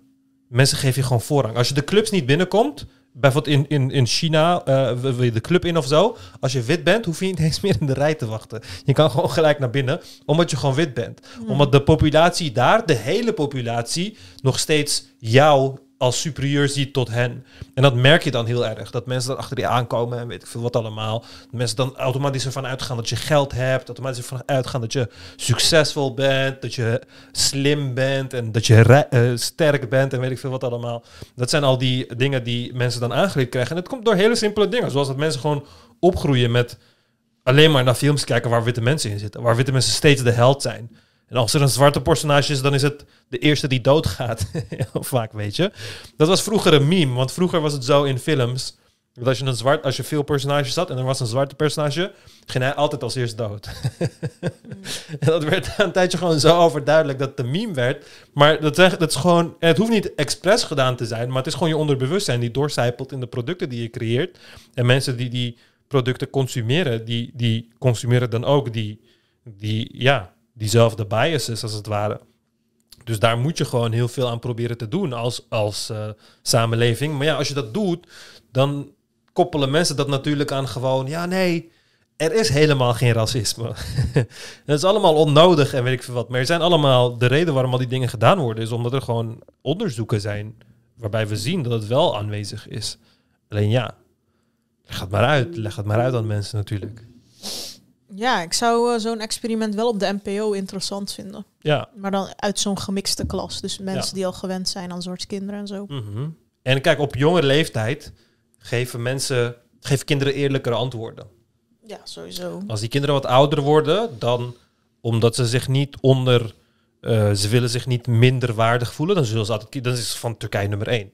Weet je, dat is een Turk die zichzelf eh, eh, omringt in de Turkse vlag en zijn hele profiel is Turks en weet ik veel wat allemaal. Het is niet omdat hij zich superieur voelt, het is omdat hij zich minder waardig voelt en dan probeert te, te kopen daarmee, zeg maar. Om het op die manier te doen. Maar zulke jongere kinderen, die kun je gewoon vragen stellen en dan krijg je gewoon hele eerlijke antwoorden. En die kunnen dan ook gewoon zeggen dat ze hun eigen huidskleur minder waardig vinden of whatever. Ja, precies. Ik vond het wel een interessante video. Ja. Ehm, jij stuurde in de groep The World's First News Comparison Platform. Nee, ik heb het nooit gestuurd. Jawel, toch? Of iemand anders? Oh, ja. Ik heb het niet gekeken, ik weet niet waar het over gaat. Ja, nou, volgens mij dus eh, 's werelds eerste eh, nieuwsplatform waarbij je artikel, zeg maar, als je een artikel geeft aan die website, dat hij alles ehm, over dat nieuws gelijk voor jou kan vinden. En ermee kan vergelijken wat, wat in die andere artikelen staat. Oh, dus ja. stel, bijvoorbeeld vorige keer hadden wij een Telegraaf-artikel waarin stond dat eh, mensen fucking Jews hadden gezegd. Oh, en wij ja. konden geen ander artikel vinden. Nu moet je nog googlen. En met zo'n platform kan je het gewoon zo invoeren en eh, hij zoekt voor jou, zeg maar. Oh ja, het is een app, artikelen. ehm, Ground.news. Het is blijkbaar een app, award-winning, bla bla. See every side of every news story. Read the news from multiple perspectives. See through media bias with reliable news from local and international sources. En dan, ehm Maar dit is toch vet? oh, het kost geld. Oh, dat is wel jammer. Het kost geld. Eh goedkoopste is 91 cent per maand. Nou, niet veel. En het is alleen in het Engels. oh, Ehm, dus ook niet Nederlands. Nee, het is alleen in het Engels. Maar ja, dit, eh, klinkt goed. Maar is dat geen gat in de markt, dat jij dat met AI kan bouwen of zo? Ja. Voor Ja, de Nederlandse kranten. Is wel een gat in de markt. Nu moet je alles googlen. Ja. Ja, in principe. Is niet zo, het moet niet zo lastig zijn om te maken, denk ik. Nee. Ground News. Maar eh, ja, Maar als ik in ChatGPT vraag van... ehm, ik heb eh, gisteren dit artikel gelezen. Kan jij voor mij andere artikelen zoeken over dit onderwerp? Dan is het nooit compleet en nooit goed. Mhm. Dus er moet gewoon een goede AI komen daarvoor. Ja. Ik ga even checken hoe deze app werkt dan. Ja, precies. Ehm, dan wil ik over naar de Stanley Clubs. Dat is een hele hype op TikTok en Instagram. Mensen die ze in alle kleuren hebben. En ik vroeg me af, wat is dat nou? Ik dacht eerst dat dat was, eh, want jij hebt hier ooit in de podcast gezegd, ik heb een ondernemersidee. Je moet een, eh, wat was het nou, een Oh. Nee, het koperen? zijn gewoon eh, thermoskannen, ja. Ja, maar het is gewoon een thermoskan, wat al 100 jaar bestaat. Ja. En deze zijn 50 euro of 60 euro per stuk. Ja. Je hebt ze ook in de bijenkorf en zo. En iedereen loopt ermee. Ja. Ja, het is gewoon net als hoe de dopperfles opeens heel populair werd, toch in Nederland. Daar liep ook iedereen mee eh, een tijdje geleden. Hoe heet die? Dopper heet het toch? Ja, ik heb daar echt nooit mee gelopen. Nee, ik ook niet. Maar iedereen had ze gewoon. Ik vind ze ook niet mooi of zo. Ik ben er laatst pas achter gekomen dat, dat het een beker is. Hmm. De dop is een beker. Oh ja. dat besefte precies. ik laatst pas. Oh ja, dat wist ik ook Dus niet. dan zet je hem zo en dan wordt het een beker. Oh ja, dat is wel handig, ja. Oh, dat Ja. is natuurlijk de Ik handigheid. weet, niet, ik weet niet waarom ik uit een beker zou willen drinken als ik gewoon een fles heb. maar misschien ben ik gewoon uncivilized. maar eh, ja, Stanley Als je het aan iemand wil geven of zo. Ja. Nee, het is gewoon een thermoskan. En eh, ze gingen een beetje viral. Want Het is was- wel een mooi design, dat wel. Ik vind ze echt Ja, het design is eigenlijk vooral gemaakt om... eh, kijk, in, in auto's heb je een standaard cup holder size, zeg Ja, maar. precies. Dus dan past die erin, maar dan is hij nog veel groter. Dus dan kan je best wel veel meenemen. Maar ze gingen viral omdat eh, iemands auto was uitgebrand. En toen, ehm, en toen eh, ging ze die thermos checken. En die had het overleefd. Ja. Nou, als dat echt is, is dat best indrukwekkend. Zelfs dat, zelfs dat rietje heeft het overleefd. Ja. Nee, dat is wel voor de hand liggend dat elke thermosfles dat doen, basically. Want hoe, door- hoe, hoe een thermos... eh, even kijken. Eh, Ik vind het gewoon zo gek dat je een product op de markt brengt die al bestaat, een thermoskan. ja, want uiteindelijk gaat het alleen maar om branding. Ja, en dat je dan daarmee eh, ervoor kan zorgen dat heel de wereld jouw cups bestelt. Ik vind dat echt, ja, ik vind dat fascinerend gewoon. Eh, hoe heet een therm... therm- Thermoskan. Ja, maar hoe heet het? eh thermo bottle of zo? Hoe heet het in het Engels? Thermos bottle? Nee. Ja, moet je niet aan mij vragen. Thermo bottle inside. Ah, hier. Dus wat je basically hebt, is je hebt dan ehm, de fles. En dan heb je er lucht tussen en dan heb je de buitenmuur van de fles. Ja. En hier heb je dan vacuüm. Dus hier zit niks. Dus ook geen lucht. Hebben ze gewoon vacuüm getrokken. Dus dan zit je vloeistof ehm, tussen een muur van vacuüm. En vacuüm is heel erg slecht in het transporteren van hitte. Dus als de, buiten, eh, als de buitenwand heet wordt door het vuur, dan kan die hitte niet naar de binnenste fles. Want hitte kan niet door de vacuüm heen, zeg maar. Want hitte, je vacuüm isoleert gewoon heel erg goed. Dus daarom, als je er gewoon ijs in doet of hete koffie in doet of whatever, kan het gewoon, ehm, ja, dagenlang kan het gewoon nog ijs blijven of blijven. ja, ik weet niet. Mijn ervaring met thermoskannen vroeger is dat het vooral twee uurtjes heet. Ja, maar dat is als je hem open doet. Als je Oh, hem ja, nooit, precies. want elke keer als je hem open doet, verliest hij de warmte, zeg maar. Maar als je Ja. hem nooit open zou doen, kan een thermosfles gewoon een, eh, langer dan een dag gewoon warm blijven. Of ijs Oh, eh, bewaren voor een eh, hele lange periode. Maar ja, het is, elke keer dat je hem open en dicht doet, dan, eh, dan eh, ga je gewoon alle warmte of koude weghalen. Dus dan eh, gaat het achteruit natuurlijk. Maar eh, ja, dat dus. ehm, ja, het uh, werd een autobrand overleefd. Iedereen in shock. Zij, uh, het bedrijf heeft haar toen aangeboden om een nieuwe auto voor haar te kopen en zo. Ja. Want het was hele goede gratis marketing voor hen natuurlijk. Wel lief van dus, ze, ja. eh, ja, dus dat. Maar ik heb er nooit, ik heb er nooit iets mee gehad, thermosflessen. Nee, ik heb eigenlijk ook nooit eentje meegenomen naar buiten of zo. Ik drink sowieso echt veel te veel om het met zo'n fles te doen.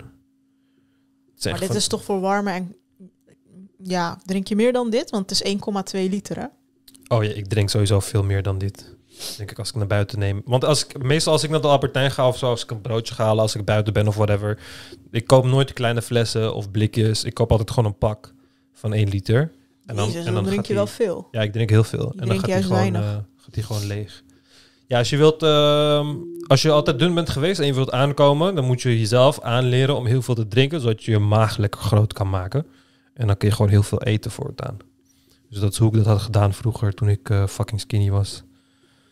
Oh ja.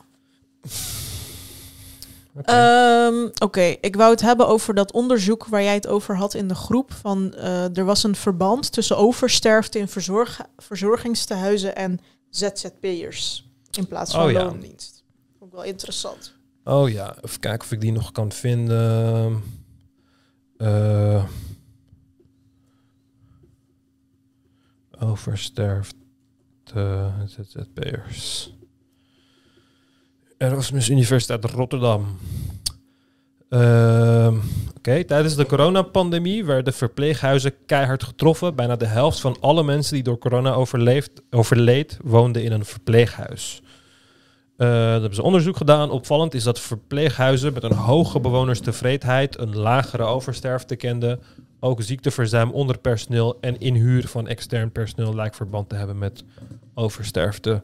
Dus ze kwamen er basically achter dat de, ehm, de hoeveelheid ZZP'ers. ehm eh, bla bla. Eh, De grootte van een, oké, de grootte van een verpleeghuis bleek niet, blijkt niet uit te maken. En ook het aantal zorgmedewerkers per bewoner lijkt geen rol te spelen. Dus dat is wel opvallend. En dan opvallend is dat het ziekteverzuim in verpleeghuizen voor de pandemie wel verband houdt met een hogere oversterfte in 2021, terwijl de meeste ouderen toen al gevaccineerd waren. Verpleeghuizen die ook al voor de pandemie te maken hadden met veel externe inhuur, laten juist een hogere oversterfte zien in het eerste jaar van de pandemie. We zijn nog zoekende hoe dit kan. Mogelijk werkten zorgfreelancers bij verschillende instellingen, waardoor ze het virus makkelijker verspreiden, zegt Bar. Oh, is dat de reden? Ja, het zou een van de redenen kunnen zijn. Wat, wat was jouw reden dan? Volgens jou? Eh, oh ja, ik, ik denk dat ZZP'ers over het algemeen sowieso veel minder aandacht besteden aan, ehm, aan eh, de cliënten. Van wat ik Waarom van, zouden ze dat doen dan? Omdat de zorg vol zit met oplichtende ZZP'ers die op papier fucking 80 uur aan het werk zijn, maar in de realiteit niemand ze ziet. Oh ja, Gewoon de, precies. er eh, me- En dat geldt niet voor loondienst, dat kan niet. Nee, want dan, dan moet je gewoon verschijnen en dan je, want Ja, dan heb je dus een baas die dat ja, controleert. jouw, of jouw zo. baas declareert in principe jouw werk. En eh, als het ZZP'er doe je dat zelf. Mijn vriendin, waar, waar- zij werkt in een eh verzorgingstehuis. En daar heb je gewoon ZZP'ers die dan op papier daar zogenaamd werken en zo. Maar zij is gewoon aan het rondvragen en niemand kent die personen. Ja. gewoon niemand heeft ooit van die mensen Ik gehoord. heb dat sowieso heel vaak gehoord hoor. Ik heb ook allemaal vriendinnen met een bejaarde moeder of een bejaarde vader en zo. Die hebben dan zo'n ZZP'er als huishulp ge- gehuurd. En dan komen ze letterlijk een half uur of twintig minuten per week langs. En dan declareren ze acht uur of zo voor die Mhm. week. Met de PGB-budget en zo. Ja, het is echt helemaal gestoord. Maar niemand controleert dat. Ja. Je kan het ook niet controleren. Het is echt een goudmijn voor veel mensen. Ja. Ik heb echt heel veel mensen gehoord van... Bro, je moet dit ook doen. Bro, ik doe niks. Ik verdien kankerveel. Ja. Dat soort verhalen. Dan denk ik van, hoe leef je met jezelf? Even serieus. Hoe de fuck leef je met jezelf? Maar hoe kan dit aangepakt worden door de overheid? Ja. Het is wat er gebeurt als je de zorg openzet, hè? Voor als je de markt zijn werk laat doen, marktwerking en zo, lekker de vrije markt zijn gang laten gaan. Ja, dit is wat je er dan van krijgt. Dus blijkbaar... eh, Ja, je kan ook, eh, dat had ik vroeger in mijn oude buurt, dat mensen zeiden van, eh, als je gewoon een oude oma hebt of zo, ook al is ze gezond, je kan gewoon PGB aanvragen en je kan liegen. Je kan Mhm. zeggen, ze kan niet meer lopen, ze kan niet meer douchen, eh, ik doe boodschappen voor haar, ik kook voor haar, ik breng haar naar de dokter. En dan krijg je gewoon fucking 1200 euro in de maand of zo. Ja. Voor je moeder of voor je eigen oma. eh, wat je als familielid gewoon kunt krijgen. En niemand die controleert of het waar is, zeg Ja. maar. ja, inderdaad. Het is echt bizar dat dat kan. Ehm, ik wilde het hebben over... Asielzoekers mogen nu het hele jaar werken. Ja, echt chill voor zo. En Eh, ik snap sowieso niet waarom dat niet mocht. ja, echt kankeraar. Gewoon, was daar een goede reden voor of zo? Want de Oekraïners mochten het altijd al. Mhm. Maar van andere landen niet. En toen heeft een asielzoeker dat naar de rechter gebracht. En toen ineens mocht het wel. Terwijl, hoeveel jaar klagen mensen hier al over? Dus moet het per se naar de rechter voordat zoiets... En besef dat een asielzoeker dat voor ons moest doen. Moest Ja, doen, hè? precies. Een fucking asielzoeker moest dat voor ons doen. Echt Wow, zo dat ding absurd. viel bijna. Ja, ik zag het. Hij viel echt bijna.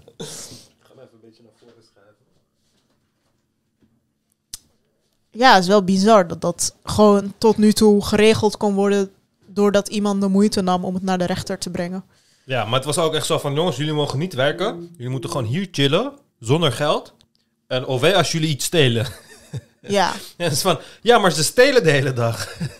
ja, maar wat wilde je dan? Dat mensen ze maandelijks geld sturen vanuit het buitenland of zo? Om Ja. te overleven. Die mensen moeten toch Ja, vandaar dat die Jumbo in Ter Apel moest sluiten, toch? Ja. Ze konden het eh, aantal dieven niet meer aan. Ja. Ja, inderdaad. Vind je het gek. Maar ik wist ook helemaal niet dat ze niet mochten werken. Dat is echt bizar. Ja, maar het is ook... het is Waarom ook- zou dat zijn? Omdat ze de taal niet idee. kennen of zo. Ik heb echt geen idee. Ja, maar dat maakt helemaal niet uit. Want er zoveel Polen werken gewoon op de velden en zo. Ja, In de precies. kassen. Kunnen we dat even ergens opzoeken of zo? Waarom dat de reden was? Ik ben echt benieuwd.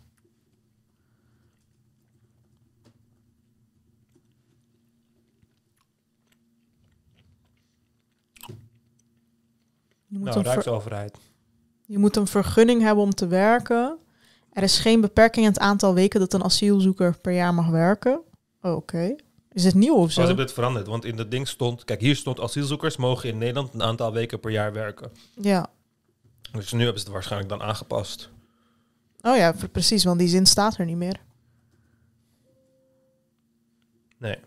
Er is nu, het is nu een aantal weken... Er is geen beperking in het aantal weken. Oh ja, asielzoekers dus we kunnen de reden ook niet meer zien. Ja, dus je asielaanvraag moet minstens zes maanden in behandeling zijn. Ehm, heeft een asielzoeker werk, dan betaalt hij het eh, COA een eigen bijdrage, onder meer voor de kosten van de opvang. Hij mag 25% van de inkomsten houden tot maximaal 246 euro per maand. Verdient iemand meer dan het bedrag dat hij het COA moet betalen, dan mag hij de rest van de inkomsten houden. Hé, wacht, ik val het niet. Hij mag 25% van de inkomsten houden. Oh ja, oké. Dus je moet, je moet eh, 246 euro per maand betalen. Eh, en alles daarboven mag je houden. Ik vind het wel goed dat ze het eh, COA moeten betalen hoor. Dat is wel lijp. Je moet gewoon betalen voor je eigen opvang. Oh, dat wist ik ook niet. In de gevangenis hoeft dat niet. Ja, maar dit is wel iets luxer dan een gevangenis, toch? Ja. Asielzoekers kunnen ook werkzaamheden ver- verrichten in het asielzoekerscentrum, bijvoorbeeld schoonmaken en helpen bij onderhoud van het gebouw of de tuin. Dat kan maximaal 25 uur per week. Hiervoor is geen tewerkstellingsvergunning nodig. De asielzoeker ontvangt hiervoor een kleine vergoeding van 56 cent tot 1,10 euro per uur. Wat? Met een maximum van 14 euro per week. What the fuck? Dat is wel echt, dat is 14 echt een grap. De- een rode paprika kost 1,50 euro. What the fuck? Jeetje. Uh, fuck? Oké, ik eh, kijk of er ergens een reden staat. Er staat, wat is het probleem van asielzoekers? Nou, wat is je Ehm, probleem? Is het waar dat asielzoekers niet werken? Bla, bla. Ja, dat is toch van Centraal Orgaan. Van, Ja, maar dus het gaat over dat ze niet werken. Hmm. Oh, hier mogen asielzoekers werken, willen graag werken en veel werkgevers hebben personeel hard nodig. Asielzoekers mogen zes jaar Bla, bla, onder voorwaarden werkers, bijvoorbeeld een werkvergunning. De eis dat asielzoekers maar maximaal 24 weken per jaar mogen werken is vervallen. Dat mag nu onbeperkt. Ja, dat is ook gewoon allemaal nieuw. Ze hebben wel alles snel geüpdate dan hoor. Staat er niet een reden bij die andere vraag? Waarom werken er zo weinig asielzoekers? We moeten vaak lang wachten op de uitkomsten van de asielprocedure. Dit wordt voor veel bewoners ervaren als verloren tijd. Ehm, De 24 weken eis was een belangrijke belemmering, maar die is met de uitspraak van de Raad van State op 29 november komen te vervallen. Asielzoekers mogen nu onbeperkt werken na zes maanden. er zijn meer belemmeringen. De verplichte TWV is bijvoorbeeld vrij onbekend bij werkgevers en zijn er wachttijden voor het inschrijven van asielzoekers, waardoor praktische zaken niet gericht kunnen worden. Wat ook niet helpt is dat werkenden de rechten verliezen als zij uitstromen naar een gemeente. Ten slotte is het belangrijk dat asielzoekers goed geleid worden richting werk. Kijken, wat zijn de andere belemmeringen? Oh, dat stond eronder. Waarom mogen ze niet werken of zo? Oh nee. Wat doen asielzoekers Ja. om moeten wer- werken? Ja, maar dit gaat gewoon om eh, schoonmaken, helpen. Oh ja, 14 precies. euro per week. Eh, even kijken. die 14 belemmeringen. euro per week, Ja, is maximum. echt- is echt niet normaal. Dat is echt een joke. Ja, maar je kan die mensen gewoon aan het werk zetten en ze waarde laten creëren. En Ja. ze gewoon laten meedelen in die waarde. Ik snap gewoon niet wie dit heeft bedacht. Ja, Maar dat is ook de reden waarom ik de reden wil zien. 34. Eh, culturele factoren. In de 10 interviews met statushouders hebben we verkend in hoeverre de 24 weken eis voor hen een rol heeft gespeeld bij hun komst naar Nederland. Voor een deel van de respondenten was het land van bestemming bij hun vlucht geen keuze. Ze kwamen terecht op evacuatielijst of ze werden via tussenpersonen naar Nederland gebracht zonder daarvoor te hebben gekozen. Eh, een deel van de respondenten zegt enigszins keuze te hebben gehad, bla bla bla. Dit gaat echt om. eh, Ja, nou, ik heb echt geen idee. Hier de rechtbank eh, oordeel. Misschien staat het daarin.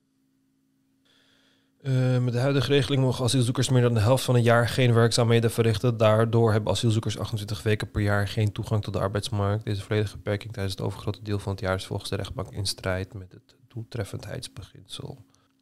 Asielzoekers krijgen volgens de opvangrichtlijn uiterlijk negen maanden nadat zij een asielverzoek doen toegang tot de arbeidsmarkt. De lidstaat. Maar dat is toch dom? Dan moeten wij negen maanden voor die mensen zorgen. Laat ze gewoon gelijk werken. Gewoon gelijk. Zet ze gelijk aan het werk. Ja. Gewoon van Daarom werkende mensen heeft niemand last. Ja. Letterlijk. Ehm, bla bla bla. Er staat ook werken tijdens asielprocedure bevordert integratie.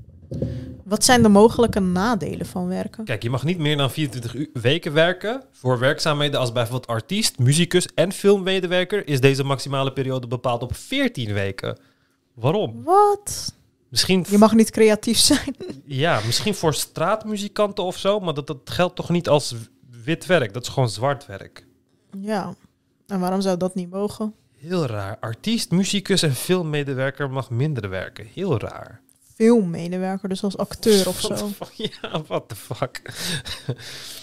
Heel raar. Ja, ik weet Wat niet. een wa- rare regels. 24 weken Wie heeft eis. bedacht? De 24 weken is onder meer ingesteld om te voorkomen dat asielzoekers na 26 weken arbeid recht krijgen op een WW-uitkering. Oh. Oh, misschien omdat dat veel gebeurde of zo. Hiervoor moet de werkgever. Nou, dan, eh, dan zeg je gewoon dat ze de eerste, weet ik veel, zoveel jaar geen WW-uitkering mogen krijgen. Ja, Echt in dom. In plaats plaats van mensen minder te laten werken. is zo raar. Precies. Ja, nou. Nou, wat een domme reden zeg. Ja. Nou, hebben we dat ook gehad. Ehm, Poetin heeft gezegd dat elk gezin acht of meer kids moet krijgen, heb ik begrepen. Maar, Maar, zegt elke autoritaire leider dit de hele ja, en hoe de fuck kom je op acht? Erdogan zei drie. Hij, Dat is bijna een verdriedubbeling. Ja. Gewoon, waarom acht? Alsof Rusland ook een klein land is, wat eh, elk moment uitgemoord kan worden of zo. Heel raar. Maar kun je even opzoeken of het wel echt waar is? Iemand zei dit in de groep, maar ik geloof het bijna niet. Jouw acht doet het niet. Al mijn toetsen beginnen het één voor één niet meer te doen. Russian President Vladimir Putin has urged women in the country to have as many as eight children and make large families the norm. Mr. Putin said this while addressing the World Russian People's Council in Moscow on Tuesday. Eight or more. Jezus Christus, man. My god, dit is echt een joke, maar hij bedoelt het gewoon bloedserieus. Ja, maar het werkt gewoon nooit. Landen over de hele wereld hebben echt de hele tijd geprobeerd om mensen meer kinderen te laten krijgen, hun bevolking meer kinderen te laten krijgen. En het werkt nooit. Je kan zorgen voor eh, kleine pieken Door mensen bijvoorbeeld... eh, waar geven ze allemaal geld? In Hongarije geven ze je volgens mij geld. Ja, je krijgt China- korting op je hypotheek. Ja, in China geven ze je geld. Ehm, je kan eh, een lening krijgen van 30.000 euro. En als je drie kinderen hebt, wordt die kwijtgescholden. en Allemaal dat soort dingen. En geen van die dingen zorgt ooit voor een noemenswaardige eh, verhoging in het geboortecijfer. Gewoon Weet je wat er wel voor zorgt? Onderdrukking van de vrouw. Ja, ja inderdaad. Ja, maar dat is, dat is de beste manier om kinderen te krijgen. Ja. Want de reden waarom mensen kinderen krijgen, eh, minder kinderen krijgen, is vrijheid. Is vrijheid. Mensen hebben nu zoveel kansen. Je hebt zoveel opportunity. Zo ongelooflijk veel opportunity. Kijk, vroeger was je moeder huisvrouw en je vader was loodgieter. En je vader kon gewoon loodgieter zijn. En daarnaast was hij gewoon vader. Verder had hij niet zoveel. Maar nu gaan mensen de wereld zien. Ze gaan twee, drie keer per jaar op vakantie. Welke is uitgegaan? Die? Hè? Waarom is die uitgegaan?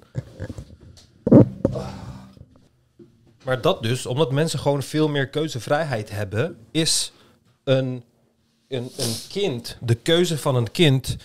En dit is voor iedereen zo hè, tegenwoordig. Zodra je denkt aan een kind, dan denk je aan de vrijheden die je opgeeft.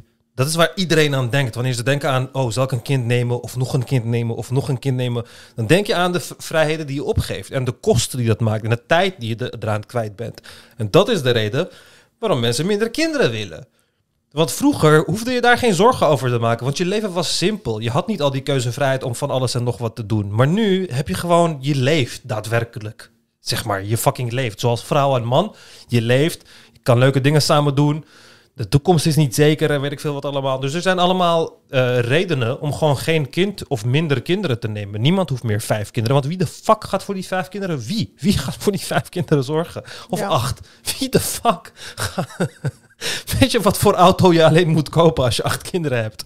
Je kan nooit meer in een normale auto rijden. Je hebt een Volkswagen Transporter busje nodig met drie rijen aan stoelen. Dat is toch fucking raar? Echt, die mensen... ja, ik, iedereen probeert het, maar mensen zien niet in waarom mensen minder kinderen maken. Gewoon, je kan het Dat proberen... zit hij wel in, maar hij wil gewoon een grotere natie. Ja, maar ik bedoel, kijk, al die oplossingen die mensen dan hebben van, oh ja, meer eh, leningen of weet ik veel wat allemaal. Het is een hele, hele moeilijke kwestie, kwestie om op te lossen. En alle grote investeringen die je gaat doen om het geboortecijfer omhoog te krijgen, het geboortecijfer is nu zo laag, dat zelfs als je het met 50% verhoogt, wat heb je dan gedaan? Je hebt het van 1,8 naar wat, 2,3 gebracht of zo? Ja, wat, wat heb je er dan aan?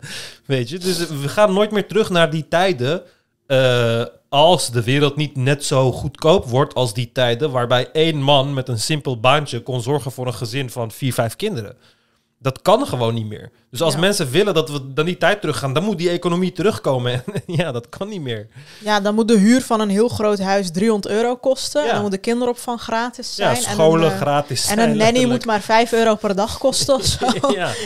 ja, het Ja. kan gewoon niet. Maar tegenwoordig kan het zelfs niet als, als, je, als de vrouw niet werkt. Zelfs dan is, is eh, zolang de man dan niet echt gigantisch veel verdient, ga je niet met meerdere kinderen kunnen. Nee, precies. Gaat echt niet kunnen. Die tijden zijn voorbij. En ehm, wat ik wilde zeggen. Hij, is ook, hij heeft ook nog gezegd dat LGBT eh, aardsvijand nummer 1 is of zo, of zoiets. Dat zei ook iemand. Nou Eh, kunnen we die uitspraak even googlen? Wil weten wat het precies is. Nee, maar ik snap het wel, al die slachtoffers van LGBT. Op hoeveel eh, burgerdoden zitten we nu sinds de, in de LGBT-oorlog? Ik vind het zo grappig, de aandacht die hij geeft. Ehm, Oh, je kan er niks over vinden. Niet van recent. What the fuck dit artikel heeft als titel... eh, als, oh, Oh, 2014. Ik, eh, ja, ik zag even 2024. Ik dacht, what the fuck? Ik hoorde dit eh, in een podcast, maar dan is het gewoon oude informatie. Ja. Maar wat ik dus wilde zeggen, ze moeten op Russische tv die mensen bij Nadia moeten ze daar zetten, zodat ze tegen feminisme kunnen ageren. Bij Poetin krijg je kapot veel geld als je dat zegt. Ja, maar tegenwoordig, eerlijk, als je tegenwoordig gewoon rechtse influencer wil zijn, is dat zo makkelijk. Kijk, als je linkse influencer wil zijn, is het moeilijker om met domheid weg te komen of zo. Want dan moet je echt shit weten over klimaat of zo. Dan moet je echt dingen lullen over, ja, de zeespiegel stijgt en weet ik wat. Maar zo'n rechtse, domme influencer, dat is echt makkelijk tegenwoordig. Hoe, hoe die mensen gewoon zoveel bereik kunnen hebben. En dan mensen zeggen, ja, ik ben het met jou eens. Ik voel hetzelfde. Ik denk echt, waar komt het vandaan? We, we, we doen echt iets mis op scholen. Je had ook nog een eh, artikel gedeeld over birth rate declining. Mhm. Nu we het toch hierover hebben. Eh, van Fox Pop of zo was het. Van Fox, ja. Ja. Ehm, wat staat hier nou precies? En moeten we daar ons zorgen over maken? You can't even pay people to have more kids. These countries tried everything from cash to patriot, patriotic calls to, to duty to reverse drastically declining birth rates. It didn't work. En dan gaat het eigenlijk over... ehm, Taiwan, has Taiwan. spent, spent more than 3 billion trying to get its citizens to have more children. Ja, zes maanden paid parental leave kreeg je. Ehm, Zo, en, dat is niet niks. Ja, eh, en teg- eh, dat was 60% van je eh, salaris. Nu is dat 80% van je salaris gekomen. Je krijgt cash benefit en tax break. Ehm, bla bla bla. Ze hebben zelfs single mixers gedaan. Dus dat de overheid dan evenementen eh, organiseert waar singles bij elkaar kunnen komen om een partner te vinden. En Ik zo. ga stuk. En eh, ja, het heeft gewoon niet geholpen. In de US is het ook zo. Sinds eh, 2007 is, het, is de birth rate met 23% ge- gedaald.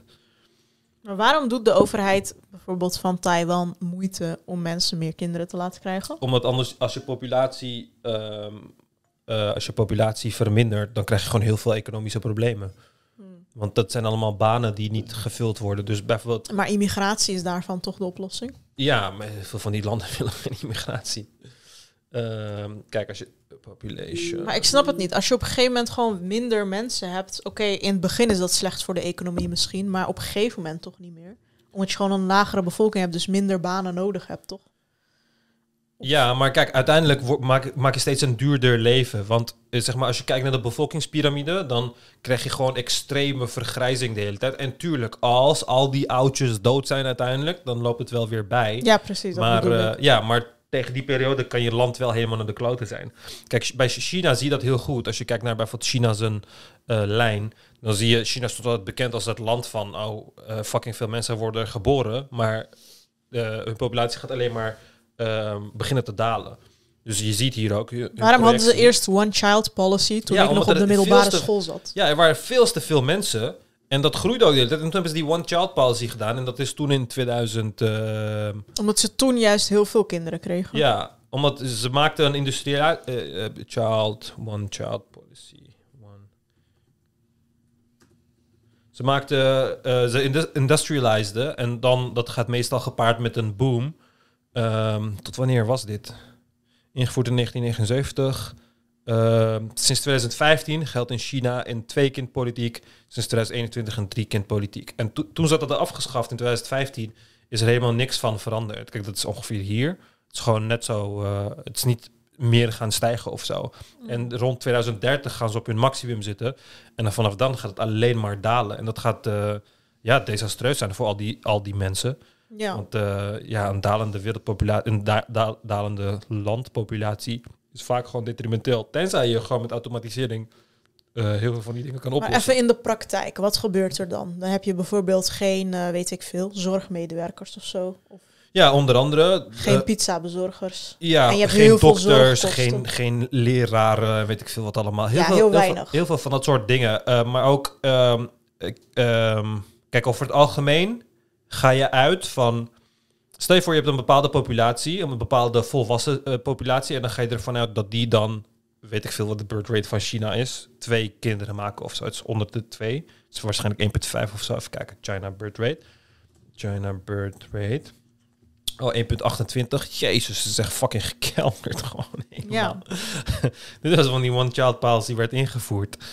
Maar ja, als ze dat niet hadden gedaan, dan hadden ze zichzelf nog een beetje tijd gekocht. Maar ja, kijk, dan ga je ervan uit van... oké, elke koppel die levert mij weer 1.3 arbeider op, als het ware. En je Mhm. economie is dan ook daarop gebaseerd. Mhm.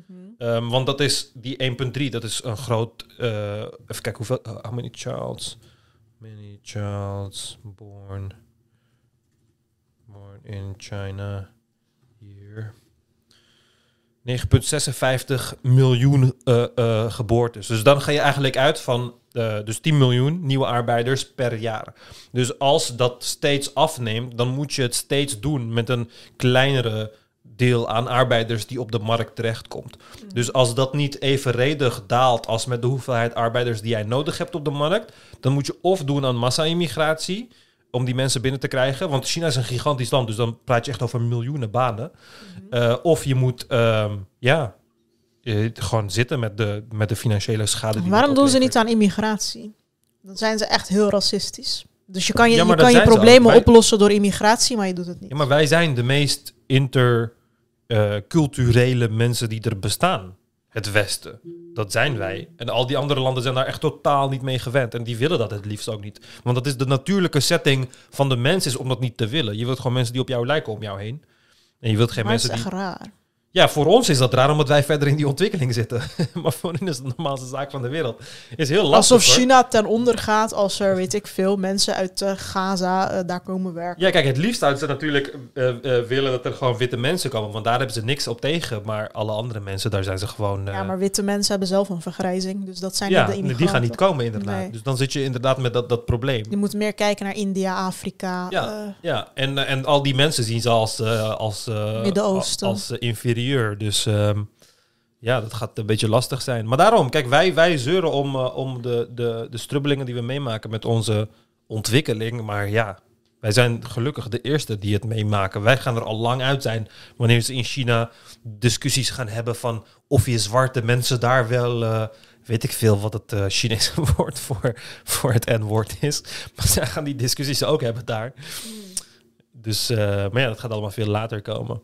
Maar die population collapse, dat ga je gewoon in veel van de, veel van de ontwikkelde landen eh, zien. En daarom is het ook zo ironisch om anti-migratie te zijn in een ont- ontwikkeld land. Want het is letterlijk de toekomst voor alle ontwikkelde landen. Dat is wat er met een ontwikkeld land gebeurt. Je krijgt vergrijzing, want mensen maken meer, minder kinderen. En uiteindelijk moet je mensen uit andere plekken eh, importeren. En dat gaan we blijven doen tot er geen plekken meer over zijn die, eh, die onderontwikkeld zijn, waardoor mensen ergens anders willen werken. En eh, ja, in, in, de tussentijd moeten we dan hopen dat we heel veel dingen hebben opgelost met automatisering en zo. Want je zou net zo goed in een wereld kunnen zitten waarbij je mensen tekort komt. En er zijn gewoon geen mensen. Want iedereen komt mensen tekort. En dan ben je de lul. Dan ben je daadwerkelijk de lul. Dan moet je gewoon offeringen maken van mensen die gewoon dood moeten. Omdat er niet genoeg eh, werkenden zijn om ze in leven te houden. Ja, Dus, eh, precies. ja. ja. dat soort scenario's inderdaad. Maar op een gegeven moment stabiliseert dat. Ja. Dus dan heb je net zoveel bejaarden als werkenden. Dan heb je gewoon kleinere bevolkingen op de wereld. Dus daar is op zich niks mis mee. Nee, daar, dat geboortecijfer moet dan zo, zo, ehm, zo stabiel mogelijk blijven. En ja, tot nu toe stabiliseren ze ook niet echt. Steeds meer mensen kiezen er gewoon voor om helemaal geen kinderen te hebben, bijvoorbeeld. Ja, maar dat is in de, lang, in de long term is dat toch geen ramp? Oh, juist in de long term is dat wel een ramp. Waarom? Als, je, als steeds minder mensen kinderen maken, dan gaat je populatie alleen maar steeds Krimpen, meer krimpen, krimpen. krimpen, ja, en dan? Totdat je gewoon geen land meer over hebt. Ja, maar dat, er zijn altijd mensen die kinderen krijgen.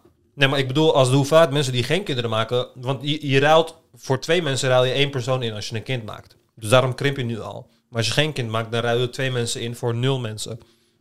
Dus dan is de krimp die je meemaakt eh, groter. Dus er zal een punt moeten zijn waarbij mensen meer kinderen gaan maken. Anders ga je op de long term gewoon naar nul, basically. En dat is een ramp, want dan bestaat je volk niet meer. Ja, Oh ja, dat is wat ze bedoelen met omvolking. Ja, want als je... Kijk, die birth rate nu in China is 1,28. Dus ze zijn nu al aan het dalen. Eh, population. Dus je ziet al dat, het, dat de daling... Het is nu aan het stabiliseren. En zodra de oudere mensen dood zijn... en deze mensen kinderen maken... dan gaat het dalen. Want elke twee personen... Voor elke twee personen krijg je 1,3 personen terug. Als dit nog lager gaat lopen... Ja, dan ga je gewoon langzaam... eh, eh, je populatie zien eh, krimpen... doordat je geen populatie meer over hebt. En een, een ja, maar land- dat zal dus nooit gebeuren, denk ik. Je zal altijd een populatie over hebben. Want het is nooit 100% Oh ja, het zal van nooit- de het- mensen nee, het zal nooit geen naar, kind krijgen. Het zal, het, zal, het zal nooit naar, nee, maar het hoeft niet 100% van de mensen hoeft geen kind te krijgen. 50%. Nee, want, want het, het, als jij al één kind maakt, kan je al uitsterven. Hoezo? Omdat je voor twee mensen voor één mens eh, eh, eh, inlevert. Ja, maar dan word je gewoon kleiner, maar je sterft toch niet uit. Ja, maar uiteindelijk uiteindelijk kom je wel bij een positie waarbij je uitsterft. Kijk, je gaat niet, het is niet zo dat er dan nul mensen zijn of zo, maar je komt in een samenleving terecht waarbij er steeds minder mensen zijn om werkzaamheden uit te voeren, waardoor je als populatie gewoon uitsterft. Oh, Omdat ja. mensen naar elders gaan en dat soort dingen. Maar, ehm, Ja, precies. want kijk, stel je voor je hebt een miljoen volwassenen, dat is je populatie. En die maken dan eh, een, een kind. Dan maken een miljoen mensen maken dan 500.000 kinderen. En daarna gaan die miljoen volwassenen dood. Heb je 500.000 kinderen, die worden volwassen, dan worden het 250.000. En dan halveert dat steeds. Als dit dus één zou zijn, als geboortecijfer één zou zijn, dan zou je om de generatie gewoon van populatie halveren. Basically. Ja, precies. Oké. Ehm, maar je kan er dus als overheid niet zoveel aan doen. Nee. Zegt dat artikel. Ja. Want zelfs als je van alles aan voordelen geeft, lukt dat niet. Nee, het zijn altijd eh, eh, hele korte.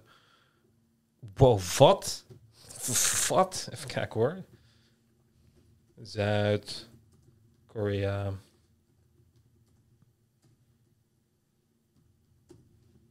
Jezus Christus. Zuid-Korea heeft gewoon een birth rate van 0,84. Oh my god. Niet Even eens kijken. één kind krijgen ze. Even kijken wat de population daar is. Ja, het is al sinds, sinds 2000 tot 2020 is het echt bijna niet gegroeid. Jezus Dit is het niet-communistische gedeelte, toch? Ja, want kijk, dan, dan de mensen die nog veel kinderen krijgen. Dus je, toen je nog op de replacement rate zat, was jaren 80. Toen zaten ze nog op de 2. Dus de mensen die dan in de jaren 80 zijn geboren, dat is dan 50 jaar geleden. Dus die mensen gaan dood over dan 30 jaar, want gemiddeld wordt je 80. Ehm, even kijken hoor. South Korea population. ehm, hoe heet dat? De projection. Projection. Afbeeldingen. Wat zou de reden kunnen zijn dat mensen niet eens één kind meer willen maken in Zuid-Korea? Kijk, dit is dan het idee. Eh, op dit moment heb je 50 miljoen Koreanen, 55 miljoen Koreanen. En er zijn meerdere predictions gedaan, maar tegen het jaar 2100 heb je of 37 miljoen Koreanen of 15 miljoen Koreanen. Maar in ieder geval echt veel minder dan dat je er nu hebt. En dat is een ramp voor dat land. Ja, want eh, ja. Dan worden ze overgenomen door Noord-Korea, die wel kinderen maken. Ja, daar hebben nee, maar Noord-Korea die heeft ook, eh, hier kijk, Noord-Korea, Korea more children. Noord-Korea, Kim Jong-un urges women to have more children. Ja, maar daar is, daar is de decline niet zo erg, toch? Nee, maar hun hebben, even kijken, hun hebben nu 1,8 Oh. birds. Nou, Ja, het is beter wel- dan 0,8. ja, het zit op het niveau van Nederland, basically. Dus ehm, ja, dat Oh. is echt fucking absurd. En ze zijn dealing with fertility challenges. Hoe Ja, maar Noord-Korea nou? leeft iedereen in armoede. Oh. In Noord-Korea heeft 1 op de 100 mensen een auto. Maar wat is dan de reden dat ze in Zuid-Korea geen kinderen willen maken? Denk je? Succes, succes, Ik kan me daar bijna niks bij voorstellen, vrijheid. want je wilt toch altijd wel kinderen? Lale, hoe kan je er niks bij... Wil jij kinderen, Lale? Ik niet, maar... Ja, nou dan. Dus dan kan je er alles bij Ik dacht voorstellen. dat ik een uitzondering was. je kan je er alles bij voorstellen. Geloof mij dat als jij gewoon eh, niet naar school was gegaan... en je was nu gewoon getrouwd met eh, een fucking eh, Hamza Ahmed of zo... Dan, ja, dan had je nu gewoon drie kinderen, hoor. ik dacht dat de meeste vrouwen, echt 99% van de vrouwen, echt wel een... Echt gewoon Ja, mensen willen een kind, heeft, maar de ja. meeste mensen willen gewoon één kind. En Oh, dat is niet genoeg. twee of drie. Eén kind is, eh, zorgt gewoon voor population decline. Weet je? Dus Op je- welke leeftijd zou jij een kind willen? Eh, ik zei vroeger altijd 30, maar nu ben ik 30. Ja. 40 of zo, denk ik. 40? Over Ja, 10 zoiets. jaar pas? Ja, over 10 jaar of zo. Dan is je vrouw 40. Ja, we- tenminste, als je dan nog steeds bij elkaar ja. bent. Als dat niet zo is, dan neem ik gewoon een 20-jarige vrouw. En Oh. dan, dan is ze gewoon Dat 20. is aardig. nee, ik zeg alleen als het niet zo is, dan eh, ja, is het Ja. logisch. Nee, oké. Maar op 40 jaar leeftijd kan je gewoon prima kinderen krijgen hoor. Gewoon een paar keer proberen, komen er gewoon een paar Ja, nee, als man heb je eh, inderdaad gewoon geen stress. Nee, ik moet het gewoon binnen nu en 10 jaar bepalen. Ja maar, ja, maar daarom. Het kan gewoon. Je risico is gewoon groter. Weet je, dan poep je gewoon een paar mogoltjes uit. Maar ja, dan eh, Ja, ik heb niet echt zin in een gehandicapt kind die kwijlt Gewoon- of zo. Gewoon opnieuw proberen. Gewoon van de trap laten vallen. per Ja, dat deden ze vroeger. De Grieken deden dat van de berg afgooien als ze gehandicapt waren. Ja, echt evil. Nou, is dat evil? Als jij een gehandicapt kind hebt... eh, Ja, het is evil. ik zou niet van een berg Sorry, maar ik zou geen gehandicapt Ik, kind ik willen. zou hem gewoon vol... Ja, maar dan gooi je hem toch niet van een berg Of is dat dan te eerlijk? Ik zou hem gewoon heel veel eh, opium geven. Zodat hij gewoon een... een... Ja, dat komt toch op hetzelfde neer? Vroeger nee, hadden ze dat van een helemaal berg afvallen is eng. Als je gewoon een opiumoverdosis krijgt, is het gewoon lekker. Dan kun je nog genieten van doodgaan. Zeg Maar dat hadden ze toch vroeger in Griekenland niet? Ze hadden vast wel sterke drugs. Ze hadden vast wel iets. Nou, oké, vanaf nu word ik gecanceld omdat ik dit heb gezegd. Lale, lale be like, huh, maar hoezo is het erg om een gehandicapt kindje van de berg af te gooien? Nee, ik zeg alleen, ik snap hem toch niet? dat je dat niet wil. ik zou het ook doen hoor. Echt erg. Oké, Ja, ehm, waar wilde ik het nog meer over hebben? Oh ja, ongehoord Nederland mag blijven. Dat is officieel bepaald. Dus Ja. ze mogen lekker doorgaan over omvolking en zo. Het is echt bizar dat de belastingbetaler dat moet financieren.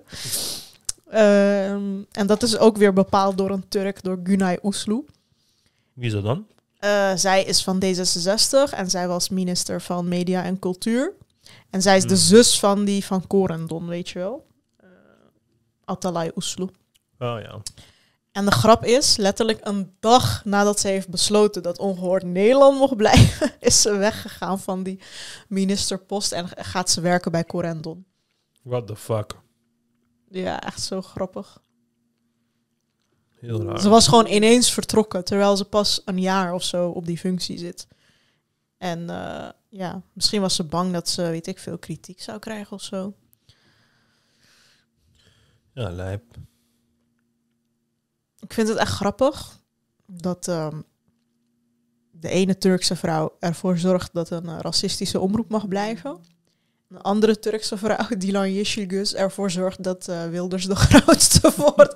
Turken brengen dit land, ik zweer, in een eh, gevaarlijke situatie. Het is allemaal de schuld van Turkse vrouwen, ik zweer het je. Echt. Oh. Er, is, er, er is, niet omdat ik Turk ben, maar er is echt iets speciaals met Turken. ja, maar het is echt zo. Het is echt zo. Turken zijn echt, spe- ja, zijn echt speciale figuren of zo. Ik weet het niet. Maar je merkt het ook toch in social media. Welke andere landen zijn er waar je zoveel wereldwijde viral fenomenen van hebt als Turkije? Wereldwijde fenomenen, wie dan? Ja. Nou, je hebt Salt Bay bij bijvoorbeeld een Mongool die bekend is geworden omdat Oh, ja. hij dit doet. Ja. Je hebt die ene kok die dan altijd zo lacht, zo altijd. Ja. Je hebt die guy van Skibidi Hop Hop met Oh, die grote buik en zo. Je hebt al Allemaal die me- domme dingen. Ja, maar dat, dat wordt dan over de hele wereld gezien. En dan denk ik van, waarom staan Turken zo erg bekend om hun, om hun absurditeit of zo, weet je? Hele, Ja, hele en, en die ijsjes die ze steeds weghalen, ja, hele helemaal... vreemde figuren brengt onze cultuur eh, tevoorschijn. En eh, ja, ik weet niet of het heel erg goed voor de wereld is wat we allemaal... Wie is eh, nou wereldwijd de bekendste Turk? Tarkan of zo. Ja, ik weet het niet. Want dat liedje is best wel bekend. Maar... Ik denk dat Salt Bay wel bekender is dan Tarkan. Oh ja, ja, tuurlijk, Nusret. Ja, hij wordt nu wel heel erg gehaat en zo, maar ja. De New York Times had een heel artikel over Salt Bay. Dat, Echt? Ja, gewoon echt vernietigend. Ja, ja hij, hij wordt nu helemaal gehaat. Echt overal. Al zijn comments op zijn... Ik mocht hem altijd al niet, maar... Wacht, dat eh, artikel was echt grappig, weet ik nog. Laten we dat even opzoeken. Even kijken. New York Times. En Die restaurants waren ook altijd fucking... ehm, was het niet die eerste? Is het die eerste? Ja, ik denk 2018? het- ja, volgens mij wel. Het is die bekende ding van New York Times die je eten proeft en zo over de hele wereld. Oh ja. Of is, dit, is hij dat niet?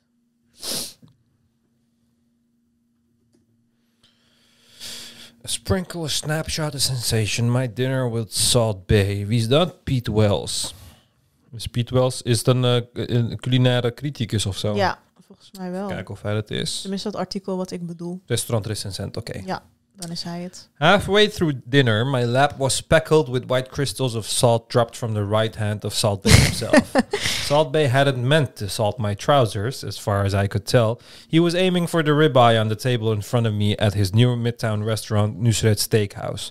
But he had raised his fingers up to his scalp line before he allowed the, the salt to start its free fall, and a good deal of it had gone wide on the mark. I was thrilled, of course. I had a souvenir of the gracefully stylized and mildly preposterous gesture that is the basis of Salt Bay's fame, the source of his nickname, and the point of his restaurant. Of course, everybody in the dining room was there for souvenirs, but the other suckers would have nothing to show off but a photo of or video. I had a pair of trousers that Salt Bay had seasoned like a steak. The percepti- perceptive reader will have already spotted the flaw in my thinking. Because my souvenir would vanish the moment I stood up, the only way to show it off would have been calling my friends to come see me in my chair at Nusret. So in the end, I simply pointed my phone at my fly and snapped a picture. A few years ago, restaurants were still a refuge from the electronic grid, places where we could eat and talk without converting existence into digital form. Phone cameras changed that, and now it often seems that the point of going out to eat is to post a digital image proving we were there. yeah Nusret takes this process to its inevitable conclusion. It is a restaurant that rec- recreates many times a night the viral Instagram video through which a man named Nusret Gökçe became a meme called Salt Bay that encourages encourages his paying customers to recreate nearly identical videos of Mr. Gökçe in action and invites them to post those videos to Instagram. They where- are indeed identical. Ja. Gewoon echt. where they can entice other people to come and see the meme made flesh for themselves. In its perfect circularity, its pure subordination of lived experiences to mediated experience, Nusret may be New York's first true 21st century restaurant. It may surprise some New Yorkers to hear that Mr. Gökçe's career as a restaurateur is not a social media creation. He already had a chain of Nusret steakhouses and burger places based in Turkey before his brief Instagram video Ottoman Steak lit up screens around the globe a year ago. Without uh, without the quick that quick movie of his carving and salting technique though, it's unlikely that anybody would have paid attention a few weeks later when he announced plans to open a New York branch on the ground floor of BlackRock, the CBS Tower. Als ik het goed begrijp, hij had een film. Hij was eerst alleen in Turkije. Hij had een filmpje gemaakt waarin hij zout gooit. Ja. Dat ging viral. Ja. En toen kon hij zijn filiaal in New York openen. Ja. Wauw. Uh, Wat het internet allemaal kan bewerkstelligen. Because Mr. Gökçe has been doing this since 2002, the new restaurant, which opened three weeks ago, is not as much of a mess as you might expect. But on the evidence of my one meal there, it is still messy around the edges because he is now doing it in New York, a city filled with booby traps for the unwary newcomer. Most of the chaos accumulates and drifts around the entrance, where hosts try cheerfully but often ineffectively to dispatch the hungry crowd to empty tables. One of my guests was late, so I can't blame the restaurant for not seating us right away. But once we were all there, we passed a strange half hour at the bar. We felt invisible for a while, then suddenly three people in a row in a row came and promised to find us a table right away, and then they each disappeared. For a long time, the only thing that happened was that the bartender couldn't find the credit card I handed over when we'd arrived. When it finally turned up inside the server's apron, I paid for two rounds of drinks for four people. This came to around $180, including a mandatory 18% service charge. This, sadly, is not far from the going rate for cocktails that are made painstakingly, but these weren't. The house, house old fashioned, reportedly made with ginger syrup and scotch, tasted like rye, sugar, and water. Smoked Negronis poured from a smoked filled wine decanter tasted as if they had been burned. Things looked up once we were led to the dining room on the far side of an open kitchen fronted by a fully loaded meat case. In Turkey, Mr. Gökçe gets his beef from a dedicated ranch. In Manhattan, like everybody else, he buys from Pat LaFrieda, supplemented by cuts from master purveyors in the Bronx. I understood why there was so much meat on display when I saw the menu. It's almost all beef, start to finish. I'll admit to feeling relief on hearing, hearing they were all out of appetizer called meat sushi, but it, I did like the tartare, chopped and jazzed up on a tableside cart by a nice waiter named Marco. He finished the job by sprinkling salt flakes from on high in a pale imitation of the master style. Poor Marco, I thought.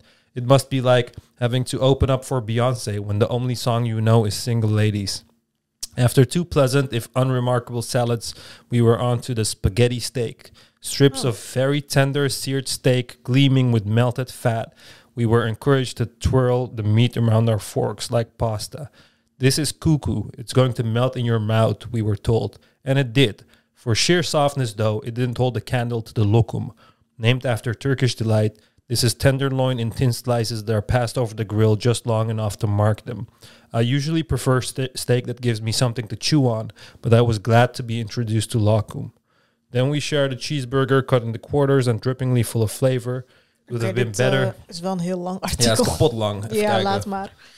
Is maar er de conclusie was geloof ik grappig. Um, uh, one day the prices will stay behind, blah blah blah. Dessert is only blah blah blah. There's only one sweet, blah blah blah. I like my Turkish coffee strong, blah blah blah. Oh nee, het is zo Nee. vernietigend niet als dat ik het me herinner. Nee, kapot lang. Of ik had een andere gelezen, ik weet het echt niet. Ja, maar hij, hij is echt cringy en hij deed steeds meer cringy dingen. Ook tijdens WK en zo ging hij toch het veld op en toen ging hij die beker zo vastpakken en zo. Ja. Dus, Dus eigenlijk de bekendste Turk is iemand die zout strooit in een restaurant. Iedereen haat hem. Ja, hij, die zoutstoot in een restaurant, die ene kok, die altijd lacht zo. En die guy met die dikke buik. Oh, en van Young Turks, die is toch ook best wel bekend in Amerika. Oh, eh Cenk Uygur. Ja, Ja. ik denk hij de bekendste. Nee, ik denk niet dat hij zo bekend is hoor. Oh nee, ja, nee, de wereld. Niet heel de wereld. Kijk dat natuurlijk. Of misschien die Hassan Piker of niet. Nee. Nee. Want al deze mensen hebben... Kijk, Cenk Uygur heeft bijvoorbeeld... eh, als je kijkt naar Salt Bay... Hij heeft maar eentje. Cenk Uygur heeft 20.000 volgers op Instagram, 500.000 op Twitter. Salt heeft 53 miljoen volgers. Ja. Dat is echt kankerveel. Ja. echt niet normaal veel. Wat, wat had de weekend ook alweer? Ook zoiets. Die heeft wel de 200 of zo, denk ik. Ehm Abel Tesfaye. Oh nee, 68 miljoen. Ja, nou, hij is fucking Ja. bijna even bekend als The Weeknd. Wauw. Dat is toch gestoord, omdat je gewoon even, even zout strooit. Echt, echt zo, zo absurd. Ik vraag me dan af waarom die TikTok zo viral is gegaan. Zo dat iemand zout strooit. Blijkbaar Ja, is maar dat ik heel speciaal. de hele tijd in Turkije, in al die restaurants. Al die restaurants hadden dan... De eigenaar van die restaurant, die ging dan een bepaalde stilo zoeken. Dus bijvoorbeeld echt zo'n Ottomaanse snor met zo'n krul erin. En dan een vest op zijn hoofd. En dan waren zij de logo ook. Een soort van animatie, een, een illustratie van hun, van hun zijn als logo. En dan probeerden ze allemaal de nieuwe Salt B te zijn. Ze Oh ja. allemaal iets nieuws, weet je. Dan doen ze allemaal een, een soort van... Ja, ze denken, wij kunnen ook move, viral zeg maar. gaan. Ja, precies. Dus iedereen, zijn nieuwe doel was, oké, wij gaan Salt B zijn, wij gaan Salt B zijn. En ja, uiteindelijk is best wel veel Turken gelukt om wereldwijde faam te pakken. Of het nou met zout strooien of met je buik schudden is, het lukt ze, het lukt ze uiteindelijk wel. Is toch raar? En de uitvinder van Pfizer was ook een Turk, toch? Oh ja, ja. Van dat vaccin. Nou, dat is tenminste wel iets Ja, kijk, hun, gun- te zijn. hen gun ik nog, nog dat geld, weet je. Die miljarden die ze verdienen, gun ik nog maar ja, een fucking Salt B. Of een Yasin die met zijn buik schudt of zo. Dan denk ik echt van, ja, moeten we hier bekend om staan? dat is gewoon raar. Vooral die met buikschudden, oh my ja, god. de- deze man reist nu gewoon de hele wereld rond en dan beschudt hij gewoon zijn buik. En het is altijd hetzelfde liedje. Abbele bup, bup, bup, bup. Echt raar. Echt zo Na één keer is het toch niet meer leuk. ja, precies. Oh. Dat je dan ook hem volgt om steeds meer van die filmpjes te zien. Waarom? Hij, hij mag nu ook niet meer afvallen, dan heeft hij geen werk meer. Het is gewoon klaar. Echt erg. Maar goed, declining birth rate, ja. Overheden hebben er van alles aan gedaan. Ja. Wat kun je eigenlijk doen als, je, als jij de overheid was en je wil dat mensen meer kinderen krijgen? Wat is dan slim? Kijk, de conclusie is eigenlijk gewoon dat kinderen kut zijn. De conclusie is eigenlijk dat mensen, als ze kinderen willen, er gewoon eentje willen. En dat ze de, rest van hun tijd willen, willen vullen met dingen die leuker zijn dan kinderen. Dus misschien moet je daarop focussen als overheid. Hoe kun je de mensen evenveel vrijheid geven als ze wel kinderen Ja. hebben en dat ze niet kinderen hebben? Dat kan met bijvoorbeeld gratis kinderopvang. Of met gratis nannies. die je gewoon mag declareren of zo. Bij die Het zou zorgverzekering. compleet gratis moeten zijn om een tweede kind te hebben. En zelfs dan zouden mensen waarschijnlijk geen tweede kind nemen. Want het is niet alleen dat, het is ook gewoon de hoeveelheid tijd die het in beslag neemt. Ik zweer, als kinderopvang gratis is, en nannies ook, en ik mag dat Ja, declareren, er zou ik zijn wel landen kinderen waar maken. kinderopvang gewoon... In heel veel... In de Scandinavische landen is het volgens mij gratis. Nee, alleen in Zweden. En in Zweden? Ja. Ja, en eh, het heeft niet echt effect gehad op hun ehm birth rate, denk ik. Even kijken. Kijk, dus is exact wat ik bedoel. Dat je door bepaalde incentives een groei kan creëren, Mhm. maar dan daalt het gelijk weer neer. Ja. Het daalt gelijk weer. Dus ze hebben in, van 2000 tot 2010 hebben ze een groei gehad. En daarna is het weer gedaald. Hmm. Dus dat echt, en ook eh 2000, vanaf 2090 tot 2000. Of van 1990 tot 2000. Even kijken eens. Ja, het zou kunnen werken als je vrouwen ehm, weer het idee geeft dat moeder zijn leuk is of zo. Ja, maar het is dus niet leuk.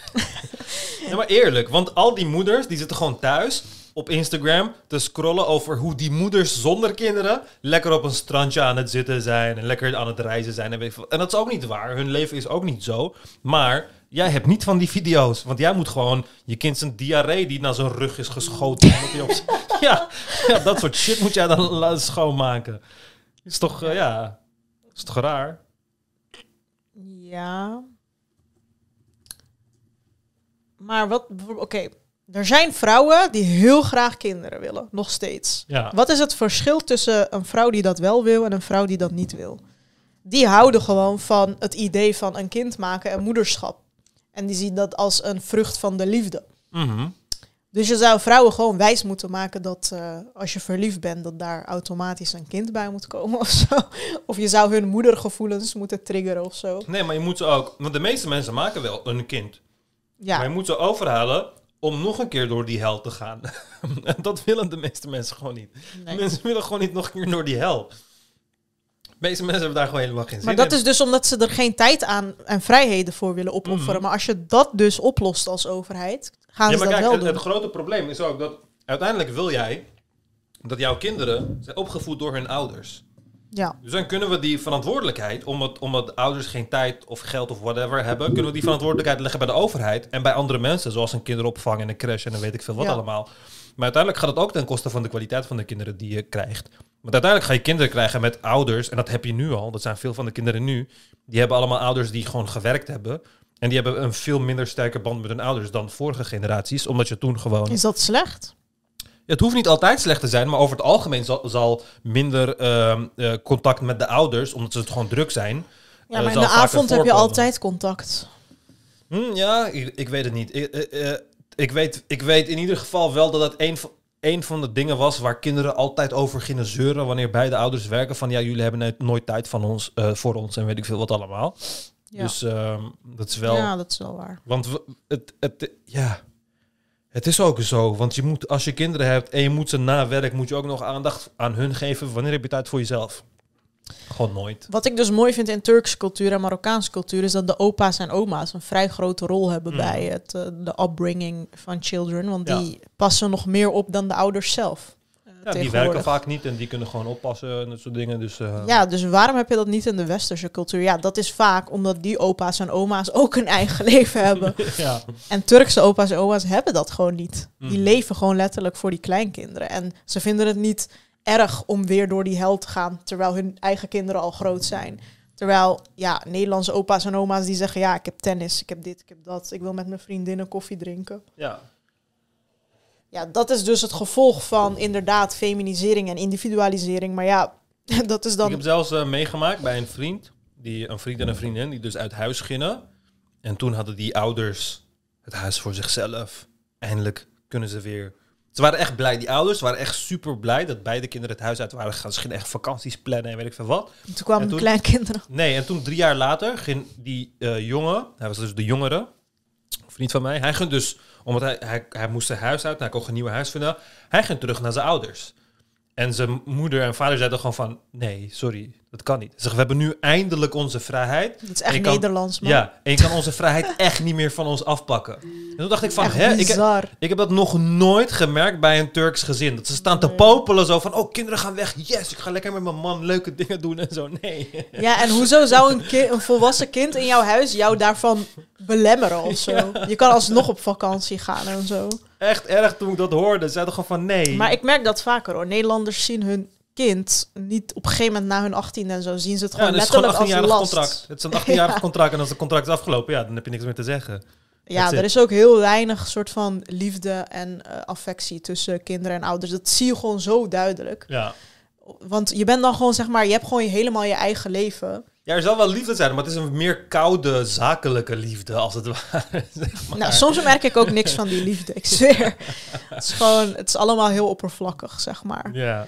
Ze willen natuurlijk niet eh, dat je ongezond bent of weet ik veel wat. En ze zullen je wel helpen als je in de problemen zit of zo. Dat soort dingen wel. Maar het is niet dat ze echt eh, heel erg aanwezig zijn in je leven of zo. Ja, klopt. Ik zie wel soms, ik kijk soms van die familieruzies, weet je.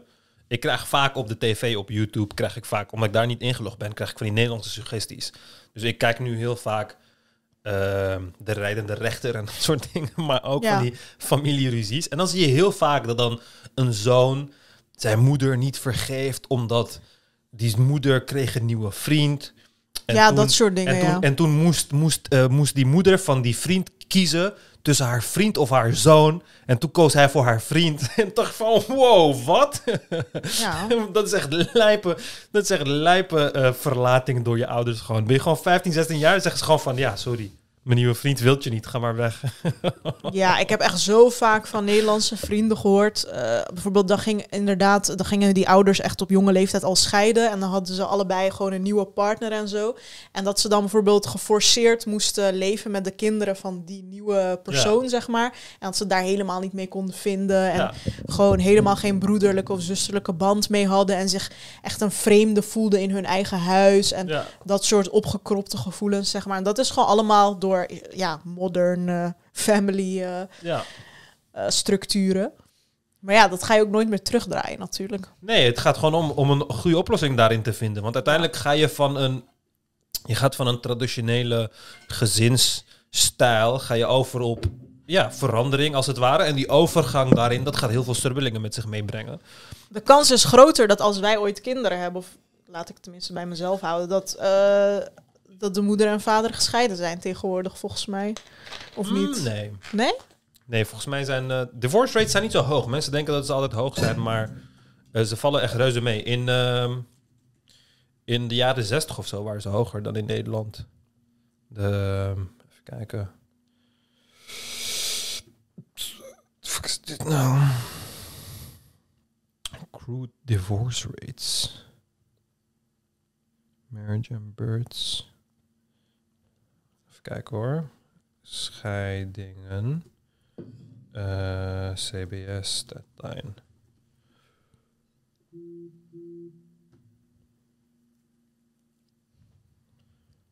Ja, dus eh, scheidingen per duizend echtparen. Kijk, dat is helemaal omlaag gegaan sinds 2014.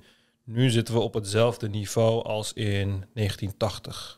Oh, dat valt wel mee. Dus dat zou je niet zeggen ik eigenlijk. heb zo'n wereldbeeld dat echt iedereen uit elkaar gaat die kinderen heeft. En dit zijn eh, dus op dit moment zit je dus op zeven echtscheidingen per duizend echtparen. Oh, dat valt echt hartstikke mee. Ja. Ja, vooral die influencers, vloggers en zo, die blijven echt nooit Ja, maar mensen die veel keuze hebben, die gaan vaker scheiden. Ja, precies. Is, eh, en BN'ers en zo. Als je, als je en- rijk bent, ga je vaker scheiden. Als je succesvol bent, ga je vaker scheiden. Dat is met al die dingen zo. Maar de meeste mensen, die hebben geen keus. Ja, sorry, als jij 35, 40 bent en je gaat scheiden... de keuze op een betere man is echt fucking klein. Probeer maar eentje te vinden. Dan moet je het sowieso ook eh, een paar kinderen erbij slikken en zo.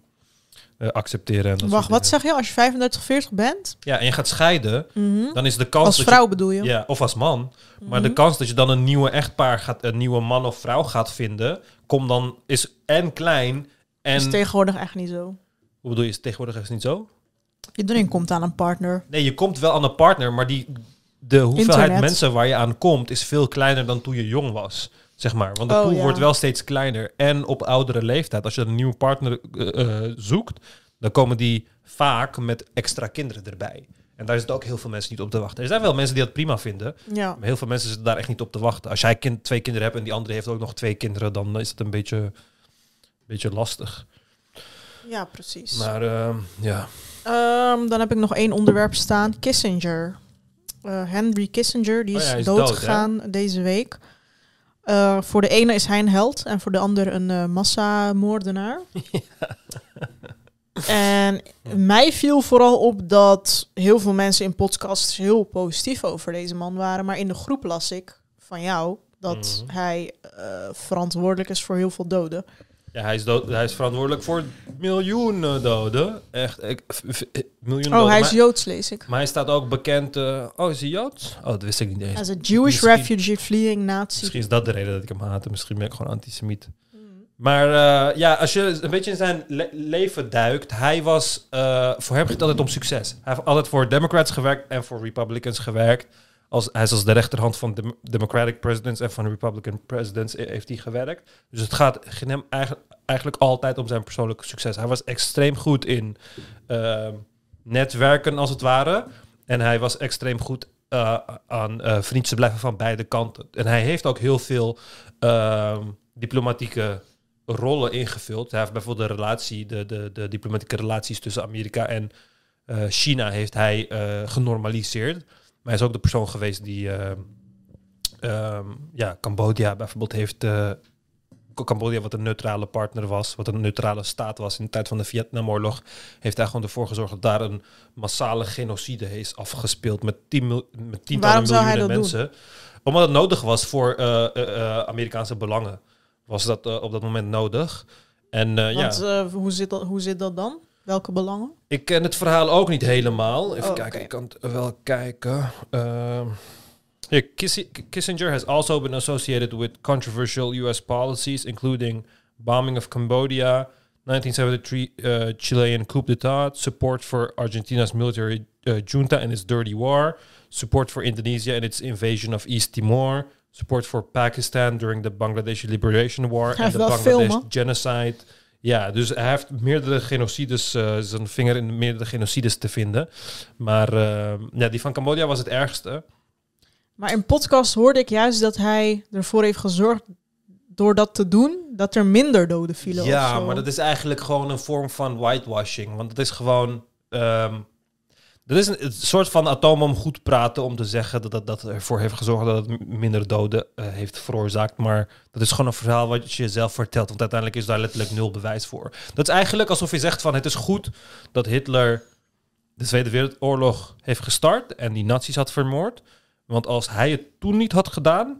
En Hitler heeft nazi's vermoord. eh, Joden vermoord, sorry. Oh, ja. Als hij toen niet de Joden had vermoord, maar iemand anders een Tweede Wereldoorlog startte 20 jaar later, ja, dan had je de atoombom. En dan was het een veel ergere oorlog geweest, weet je. Je kan dat soort dingen kun je altijd zeggen, maar uiteindelijk is dat eh, Nee, dit, op- dit is wel heel ver gezocht wat je nu zegt. Maar je kan best stellen... nee, voor, zover gezocht. Je kan toch best stellen dat de atoombom eh, ervoor heeft gezorgd dat de Tweede Wereldoorlog tot een einde is gekomen. Eh, en dus heel veel doden heeft gespaard. Ehm, niet echt, want de Tweede Wereldoorlog was al aan het eindigen toen de atoombom werd gegooid, zeg maar. Dus het zou niet nog ellenlang doorgaan als die atoombom... Nee, want Duitsland was al helemaal naar de kloten en Japan was al helemaal naar de kloten. Japan was al ready om over te geven als het ware. Tenminste, niet ready om over te geven, maar ze hadden geen keuze om over te geven. En Duitsland Ja. in principe ook. Maar, eh, maar, maar dat is ook niet een, eh, een gekke ding hoor. Is ook niet een gekke take, want er is heel vaak geopperd dat het goed is geweest dat de Tweede Wereldoorlog in, eh, in de periode is afgespeeld, dat is afgespeeld. Eh, en dat als dat tien jaar later was gebeurd, toen wij de atoombom hadden, dat een veel ergere oorlog was geweest. Ja. Dus ehm, dat is... Dat is, Dat is if history. ja, precies. En dat is in dit geval dus ook zo. Want, dan is het, want uiteindelijk ga je alle... ehm, uiteindelijk ga je alle onethische dingen die je doet... alle afschuwelijke dingen die je doet... ga je altijd correct praten met een reden dat je dat hebt gedaan. En het alternatief dat dan veel slechter zou zijn. Als Israël nu een fucking genocide pleegt op, op Gaza... dan gaat het gewoon in de ges- geschiedenisboeken als... als we dat niet hadden gedaan... dan waren er veel meer doden gevallen. Dat is Ja. hoe je dat uiteindelijk in de geschiedenisboeken gaat zetten. Maar ehm, ja, Kissinger heeft niet echt een hele goede eh, public reception, als het ware. Los daarvan. Hè, ik Maar wat heeft hij dan goed gedaan? Waarom is men, Oh, zijn nou, hij mensen held, eh, eh, fan van hem? omdat hij, omdat hij hele goede, hij was een hele goede diplomaat. Dus hij was heel goed in, in, in, in ehm, inter, inter cultural relationships, als het ware, om de relaties tussen landen weer goed te krijgen. Mm. Hij heeft ook de Nobel Peace Prize daarvoor gekregen. Ehm, hij was altijd bij elke negotiation tussen landen, stond hij altijd als zeg maar tussenpersoon. Had zichzelf gewoon bekendgemaakt als, ehm, als, als dat, als het ware. Stel jij je wel eens voor dat je een bepaald beroep hebt, beroep hebt en dat je dan zo helemaal gaat fantaseren van hoe zou dat zijn. Ik heb dat dus bij het beroep diplomaat, bij mezelf. Ik, ik weet niet, op de een of andere manier denk ik dat ik dat gewoon heel goed zou doen. Maar ik weet niet waarom. Ja, dan Dat zou je echt een goede diplomaat zijn waarschijnlijk. Als je denkt weet dat je dat? Omdat er gewoon, omdat er gewoon om gaat dat, of jij gelooft dat je het goed doet of niet goed doet. Want hoe kan, je, hoe kan je eiken of een diplomaat het goed doet of niet goed doet? Ik denk dat eigenschappen voor een goede diplo- diplomaat is dat je gewoon, ehm, ja, gewoon een soort van harde eh, verschillen en discussies en zo een beetje kan verzachten. En Ja. eh, dat, je, dat je heel erg overtuigende verbale begaafdheid moet hebben van kijk, het zit zo en bla bla, en aan de andere kant hetzelfde. En dat je er dan voor moet zorgen dat ze dichter bij elkaar komen. En ik denk dus dat ik dat heel goed kan, omdat ik dat in het echte leven met persoonlijke dingen ook heel goed kan. Maar ik weet dus niet of dat zo is. Ze zeggen dat Sigrid Kaag ook een goede diplomaat is, toch? Ja. ja, ik weet het niet. Ik denk altijd, ehm, wanneer ik aan posities denk waarbij ik macht zou hebben, dat soort macht zou hebben, dan denk ik altijd van eh, dat ik die positie niet moet hebben. Waarom? Ja, maar jij zou ook never nooit een goede diplomaat zijn, natuurlijk. Jij kan nog niet eens vrede bewaren met mensen in de groep. Dus, nee, nou ja. ja. dat is echt niet waar. nou ja, laat ik het zo zeggen. Van de Als, 100 mensen heb ik er maar drie eruit gegooid. Dus dat valt reuze binnen. ja, maar als mensen iets zeggen wat, wat jij toevallig. dom vindt of niet logisch, dan Ja. eh, kan Oh ja, jij dan niet mag de ik rust niet- bewaren. Oh ja, nee, dan moet ik gewoon. Kijk, ik denk dan van ja, oké, whatever. Ja, jij vindt dat en ik ga je toch niet overtuigen, dus Ja. zoiets dan. Dus jij zou gewoon de Saudische prins een hand eh, schudden zo en dan lekker zaken doen en zo. Ja, omdat ik weet dat ik hem toch niet ga veranderen. Hmm. Dus ik ben zeg maar niet goed in activistisch zijn, maar ik ben ik wel zou hem gewoon vertellen in- dat hij een Mongool is. Ja, precies. Dus ja. Maar ja, daar bereik je dus als diplomaat niet zoveel mee. Oh nee, maar wat zou ik moeten bereiken met de Saudische prins dan? Nou, als diplomaat wil je toch eh, deals sluiten en zo? Dat soort ik, hoef, dingen. ik hoef echt geen deal met hem te sluiten. Ja, ik denk gewoon, wanneer ik aan een positie met veel macht eh, denk, hoeft niet per se diplomaat te Heeft zijn. diplomaat veel macht? Ja, in de zin van je, je woord doet er wel veel meer Oh ja, ja, aan je toe. kan letterlijk oorlogen voorkomen. Ja, of veroorzaken. Dat zei Sigrid Kaag ook in een speech. Ik heb een oorlog voorkomen in Syrië of zo. Zoiets zei ze. Ja. Of Libanon, zoiets. Ja. ja, maar zodra ik aan dat soort posities denk, dan denk ik van ja, iedere persoon die in zo'n positie zit en denkt van oh ja, ik hoor in deze positie te zitten, die is gewoon niet goed in zijn hoofd.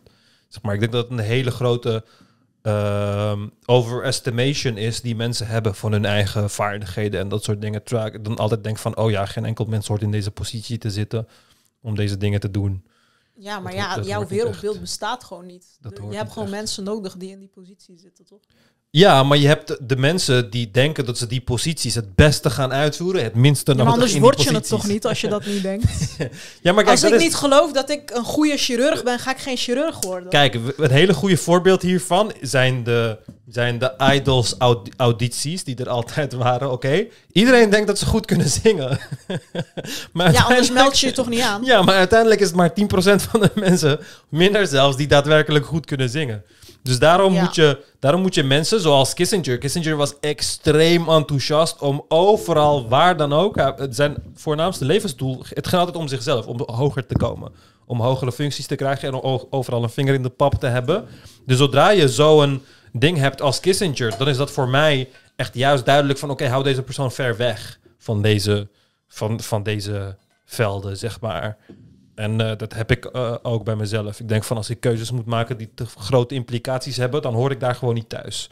Maar hoe vet zou het zijn als je diplomaat bent en je zorgt gewoon voor vrede tussen Israël en Gaza of zo? Ja, ik denk, ik denk niet dat Dan- mensen. Ik denk, ik denk niet dat mensen dat. Ja, ik weet het niet. Ik denk niet dat mensen dat doen of zo. ik denk dat dingen gebeuren en mensen gewoon eh, de, met de eer opstrijken. Ik denk. Nou, dat hoeft echt niet zo te zijn. Mm. Je kan ook voor bepaalde dingen, ja, deals zorgen. Of tenminste, misschien geloof Ja, ik maar dat graag. meestal zul je deals creëren in een situatie waar beide kanten al klaar zijn voor een deal. Zeg Dat maar. is wel waar. Je gaat nooit, zodra men op zoek is naar een oplossing, dan kom jij en dan ga je praten en dan offer je een oplossing en dan heb jij het opgelost. Maar je hebt het niet opgelost. Eh, Men, men Zij was waren al bereid. Men, ja, men was al op zoek naar een oplossing. En dat is altijd ge- ge- geweest in de geschiedenis van de mens. Van, oh ja, deze persoon heeft voor vrede gezorgd. Of deze andere persoon heeft voor vrede gezorgd. Maar dat is hetzelfde als Weet je, mensen die dan gewoon een gigantisch gebouw hebben gebouwd. En dan staat daar de man die op de camera komt met zijn schaartje en een lintje de, de, met alle eer opstrijken. Weet je? Dus dat is altijd de, de, de coverfoto, het fotomoment. Daar Op zich is dat wel waar, want ik bedoel, alsof Poetin nu door een diplomaat overtuigd kan worden om Nee, nee. niet meer Oekraïne aan te vallen. Nee, ze zijn zodra ze allebei op een moment zitten om, om, om op, aan tafel te zitten, dan gaat de persoon die met hen aan tafel zit met de eer opstrijken van ik heb dat gedaan. Maar ja, als je aan tafel zit met mensen die al openstaan voor vrede. Überhaupt aan tafel zitten. ja, ja, precies. Maar, dat, dat, maar wij houden daarvan. Wij houden van helden. Eén persoon heeft het gedaan. De iPhone is niet gemaakt door miljoenen mensen die hard hebben gewerkt. Steve Jobs heeft de iPhone gemaakt. Hij heeft het gemaakt. Dat is een veel mooier beeld en allemaal dat soort dingen. Weet je, de Tweede Wereldoorlog is niet allemaal mensen die verschrikkelijke dingen heeft gedaan. Het was Hitler. Het was Hitler die verschrikkelijke dingen heeft gedaan. Maar dat is zo'n rare wereldbeeld. Het zijn altijd gewoon een samenspel van echt miljoenen mensen die tegelijkertijd hele kleine acties ondernemen die tot een eindresultaat leiden. Maar wij willen dat altijd zien als één persoon met een simpele actie die heeft geleid tot een simpele uitkomst. Dat is altijd hoe we dat willen bekijken. Maar de wereld zit helemaal nooit zo in elkaar. Er je zou wel voorbeelden kunnen vinden daarvan. Bijvoorbeeld de persoon die Hitler niet had aangenomen op de kunstacademie. Hij, dat was wel één persoon die echt eh, voor grote fouten heeft gezorgd. Maar, eh, maar eh, over het algemeen is het een eh, opeenstapeling van kleine effecten van duizenden mensen. Misschien zijn moeder die hem geen liefde heeft gegeven. ja. ja, Of had hij een goede band met zijn moeder? Is dat bekend? Nou, dat weet ik eigenlijk niet. Ik geloof dat bijna niet. Hey, als je terug in de tijd kon gaan hè, en Hitler ligt daar naast je en hij is een baby, zou je hem dan vermoorden? Wetende wat hij in de toekomst zou doen. Dit is een, dit is een hele bekende filosofische vraag. Would you kill baby Hitler, heet het. Ja, ik wel. Ja, Ik vind dat ook zelf geen moeilijke vraag voor mezelf. nee, ja, nee, ik zou het waarschijnlijk ook doen. Ik zou hem niet echt in zijn ogen kijken en, en vermoorden, maar ik zou hem wel gewoon even zo uit het raam gooien. gewoon, Ja. niks gezien, het geen ongeluk. Ik heb liever dat één baby dood is dan duizend, Ja. tien miljoen baby's. Ja. Ja. Ja. Ja, maar wie vindt dat nou een moeilijke vraag dan? Oh, heel veel mensen. Ik heb, deze, ik heb deze vraag ooit heel lang geleden in een Facebookgroep gesteld. En toen vonden mensen me een psychopaat. En toen dacht ik van, wat? Maar het was ook wel echt een groep met tokkies. Er was gewoon een hele bekende ehm, filosofische Ja, vraag. jij hebt is- toch ook een keer gevraagd van eh, als je alle kinderziektes kon eh, vermijden, als je vier kinderen ging doodmaken of zo, Ja. wat was het nou? Ja, Ja, als je vier kinderen... Of eh, je kan er ook één van maken. Als je één kind vermoordt, maar daardoor krijgt krijgt geen enkel ander kind op aarde meer ziektes. Zou je dat kind dan vermoorden? Ja. ja, ja jij had ja vermoorden. gezegd en Ja. de meerderheid had nee gezegd, geloof Ja. ik. Ja, heel veel mensen hadden nee gezegd. Ik zou het kind zelfs vermoorden als het mijn eigen kind was. Gewoon no joke. Oh nee, ik niet. Gewoon echt no joke. Dat zou ik gewoon niet kunnen. Nee, ik zou hem gewoon uitleggen. Ik zou zeggen van luister, je gaat nu gewoon een eh, prijs betalen. En, eh, maar het gaat goed zijn voor de rest van de wereld. Ja. En eh, ja. Het zou juist een... Kijk, rationeel gezien moet je dat kind sowieso doden. Ja, maar het zou juist gestoord zijn om niet te doden. Ja, dat is heel irrationeel. ja, dat zou gestoord zijn om niet te doden. Want dan zeg je dat dat kind meer waard is dan duizenden andere kinderen. Ja, ja nee, maar je krijgt dan gewoon... Het is natuurlijk een compleet hypothetische scenario... waarbij alleen het vermoorden van die kind ervoor zorgt... dat geen enkel ander kind ooit nog een ziekte krijgt. Kunnen Maar- we filosofische dilemma's opzoeken? Ik ben wel benieuwd welke de meest famous zijn. Ehm.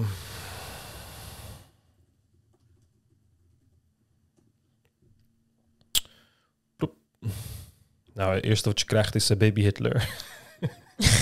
Oh, blijkbaar is die heel bekend. ja, dat zeg ik toch. Kijk, kijk, kijk, cute. Oh, het lijkt ook echt op Hitler. Zou hij ooit 6 miljoen Joden kunnen vermoorden? Zou hij ooit 6... Kijk, koetje, koetje, koetje. Hij moet alleen nog die snor hebben.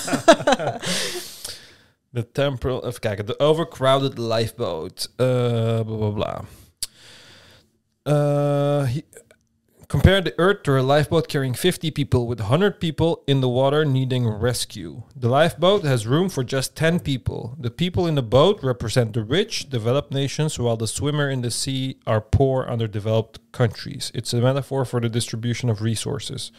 Who decides which 10 get on board? If there is someone in the lifeboat who is obviously dying, do we throw him him or her overboard to make room for a swimmer? What criteria should be used to decide who gets in the lifeboat, who doesn't? Oké, laten we eerst met de eerste vraag beginnen. Who decides Dus eh, even in het Nederlands. Je hebt een reddingsboot. lifeboat. Je hebt een reddingsboot, 50 mensen erop en dan zijn er 100 mensen in het water. En de reddingsboot heeft ruimte voor 10 mensen. En die 100 mensen in het water zijn aan het verdrinken. Ja, En je kan nog maar 10 mensen redden 10 voor mensen op die boot. Ja. Van de 100. Ja. En je hebt er al 50 op. Eh, de mensen die op de boot zijn, staan symbool voor de rijke, ontwikkelde landen. En de zwemmers in de zee staan symbool voor de onderontwikkelde landen. Het, oh. het is een metafoor voor het verdelen van ehm, kapitaal, of hoe zeg je, resources. ja ehm, In een ehm, grondstoffen in een overpopulated world. In een. eh, ik kan soms geen Nederlands meer. Hoe zeg je overpopulated? Overbevolkte wereld. De eerste vraag is: wie bepaalt welke tien aan boord mogen komen? Ja. Ehm, ik moet dan denken aan de Titanic, waar de kinderen en de vrouwen als eerste mogen. ja. Dus dat zou mijn Nou, beslissing als je zijn. 100 me- Jezus nu weer die andere. Waarom gebeurt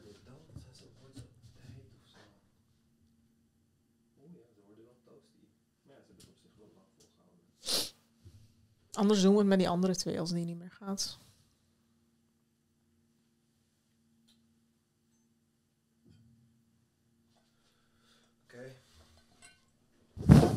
Dus welke tien mogen van jou aan boord? Jij zei vrouwen en kinderen, toch? Ja, Ik- ik, ga ik- uit van wel. Ja, ja, kijk. Ik vind het sowieso nooit een eerlijke vraag. Want als er plek is voor 10 mensen, dan is er plek voor meer kinderen. Meer kinderen? Ja, als je plek hebt voor 10 mensen, dan gaat het Oh, waarschijnlijk ja. om 10 volwassenen. Maar dan kun je wel 15 kinderen laten redden. Dus dan zou ik waarschijnlijk kinderen kiezen. Ja. Maar ik moet me waarschijnlijk aan de regels houden en zo. Maar dan zou ik alsnog kinderen kiezen eigenlijk. Mhm. Eh, want die hebben ook, want je zit ook op een reddingsboot. Dus je hebt ook, eh, je moet die eh, voedsel en waterrantsoenen. En kinderen die eten gewoon en eten en drinken minder. Dus dat is ook beter. Dus eh, ja, ik zou vooral voor kinderen gaan, inderdaad ook. Niet dat dat een rationele beslissing is trouwens. Want hoezo zou een kind of een vrouw meer waard zijn dan een Ja, maar man? als, als je een kind redt, dan red je wel meer potentiële levensjaren.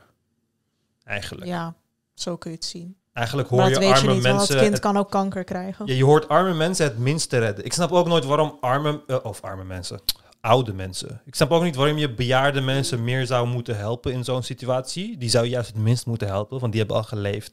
Die moet je gewoon laten verdrinken. Ja, want als je bejaard bent, oké, als je bejaard bent, ben je wat? 80 of zo? 70, 80? Of ja, 65 plus in ieder geval. Je hebt 65 jaar kunnen leven. Wat zeur je? Dus jij zou het baseren op leeftijd? Oh ja, natuurlijk. Kinderen als eerst. En bejaarden, die krijgen gewoon minste, minste kans op redding. 100%. Want die, ze hebben al geleefd. Die hebben al 65 jaar Ja. of whatever geleefd. En ja, dan moet je gewoon, gewoon die zeewater inhaleren en eh, naar de bodem zinken, jongen. Ik zou denk ik kijken naar wie kan mogelijk de reis goed overleven. Dus een baby gaat dat niet overleven, maar een sterke man wel. Dus dan ja, zou ik een jonge sterke man kiezen of zo. Hmm. of is dat niet rationeel? Nee, ik zou persoonlijk gewoon naar de huidskleur kijken. Hoe witter ze zijn, des te sneller ze op de boot mogen. Nee, ik niet. Okay, if there is someone in a lifeboat who is obviously dying, do we throw him or her overboard to make room for a swimmer? Ja. oh, ja. Eh, ja, lastig, lastig. Maar deze obviously rationeel dying. gezien wel. Er is er obviously dying. Ja, dan eh, ja, moet je gewoon zijn schedel inslaan Ja. en hem overboord gooien. Niet laten verdrinken, dat is barbaar. Barbaars. Maar je kan wel zijn schedel inslaan of zo. Zodat hij gewoon dood is in één keer. Oké, dus allebei ja. What criteria should be used to decide who gets into the lifeboat and who doesn't? Ja, dat hebben we toch net gezegd. Ja, gewoon Jezus. levensjaren en zo. Some might feel guilty about abandoning 90 people to drown. So should they give up their seat to one of... Ja, nee. ik, vind dat, ik vind dat ook een rare van, oh ja, als je je schuldig voelt, dan moet je maar... je- Dan moet je maar raar. zelf doodgaan. Ja. Dat gaat letterlijk niemand doen. Een soort van, soms voel ik me schuldig als ik een dakloze in de kou zie slapen. Maar dat betekent niet dat ik pak dan... mijn huis. ja, echt raar. Oké, volgende dilemma. Dit vond ik niet echt een Finally. Professor Hardin suggests uh, the 50 in the lifeboat should not let anybody else in. This will give the boat an extra margin of safety should another, another catastrophe arrive. Nou, dat is ook raar. Um, blah, blah, blah. Newcomb's problem. There are two closed boxes. Box A contains $1,000. Box B contains either nothing or 1 million. You don't know which. You have two options. Take both boxes, Take box B only. What the fuck? Dus je hebt twee dozen. Eén doos heeft 1000 dollar en de tweede doos heeft of niks of 1 miljoen dollar. Eh, maar je weet niet welke van de dozen welke is. En je hebt twee opties. Of ze allebei nemen of alleen B nemen. Dus dan heb je of niks of 1 miljoen. En als je ze allebei neemt, dan heb je in ieder geval 1000 dollar. Ja, ik snap deze niet. Want ik snap dit stuk, maar het stuk dat daarna komt eh, niet. Kijk, je hebt dan twee opties. Je kan beide dozen nemen of alleen doos B nemen. Maar de test is in elkaar gezet door een super intelligente wezen dat een 90% accuratierecord heeft in het voorspellen van welke optie mensen kiezen. Als zij eh, voorspelt dat je beide dozen gaat nemen, dan stopt ze niks in de doos B. En al- als zij eh, voorspelt dat je do- doos B neemt, dan zal ze een eh, check van 1 miljoen erop zetten. Maar ik snap deze hele Ja, dilemma niet. deze Want hele- iedereen zou toch beide dozen nemen? Ik snap hem helemaal niet. Oké, skip dit. Oké. Ehm, ja, ik vind deze website eigenlijk gewoon niet goed. We hebben gewoon een betere nodig. Ja. Ehm, short. Weet je wat? We gaan gewoon ChatGPT vragen. Give me five short ethical dilemmas. Trolley problem, blah, blah. Organ transplant, insider trader, autonomous car decision. Oh ja, die van die zelfrijdende auto is wel, eh, is wel interessant. Hmm. You are programming the control system for a self-driving car. In a hypothetical scenario, the car has to choose between hitting a group of pedestrians or sacrificing the car's occupant by swerving off the road. How should the car be programmed to Wat zijn decision? pedestrians? Dus eh, voetgangers. Oh. Dus je komt in een situatie waarbij je of rechtdoor kan gaan en mensen kan aanrijden waardoor ze doodgaan, of je kan van richting veranderen waarbij jij waarschijnlijk doodgaat. Welke keuze moet de zelfrijdende auto maken? Hmm. Eigenlijk zou niemand een auto willen kopen die de bestuurders een leven eh, eh, minder, of de voetgangers leven verkiest boven de bestuurders leven. Niemand zou zo'n auto eigenlijk willen kopen, maar eigenlijk zou je gewoon af moeten gaan op hoeveelheden. Kijk, als het één versus één is, als het één voetganger versus jij is, dan, moet jij, dan mag die voetganger gewoon dood, vind Als ik. het twee versus jij is. Ja, dan moet jij dood, vind ik. Dus jij zou jezelf eh, doodmaken. Ja, ik zou niet eens in een auto rijden, in zo'n auto rijden natuurlijk. Ik zou hoe dan ook niet mezelf doodmaken. ja. Als het nou- als het doen. waarom, zou de, waarom de fuck zou ik mezelf doodmaken? Ja. Ja, ik weet niet. Zou iemand Ja dat maar, doen? ja, maar daarom, want de vraag is dat hoe moet een auto geprogrammeerd worden? Want kijk, als jij ervoor kiest dat auto's op zo'n manier geprogrammeerd moeten worden dat de bestuurder beschermd wordt, Ja. dan ben jij als voetganger nog steeds wel een risico. Dus in een auto ben jij dan wel veilig, maar op straat niet meer.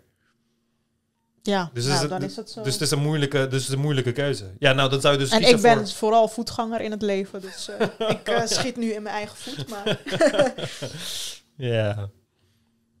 ik denk dat ehm, het een soort natuurlijk instinct is dat je zelf niet dood wil. ja, sowieso. Vooral als je kinderen hebt of zo. En je hebt een verantwoordelijkheid, ja. Ja, het is niet alsof ik kinderen heb of verantwoordelijkheid. Mensen willen gewoon niet dood. Ja, precies. Zelfs als je Überhaupt, hebt, ja. mensen niet dood. Ja. Dus ehm, ja, ik zou, dat zou mijn keuze zijn. Oké, een andere. A doctor has five patients who will die without organ transplants. A healthy person walks into the clinic for a checkup.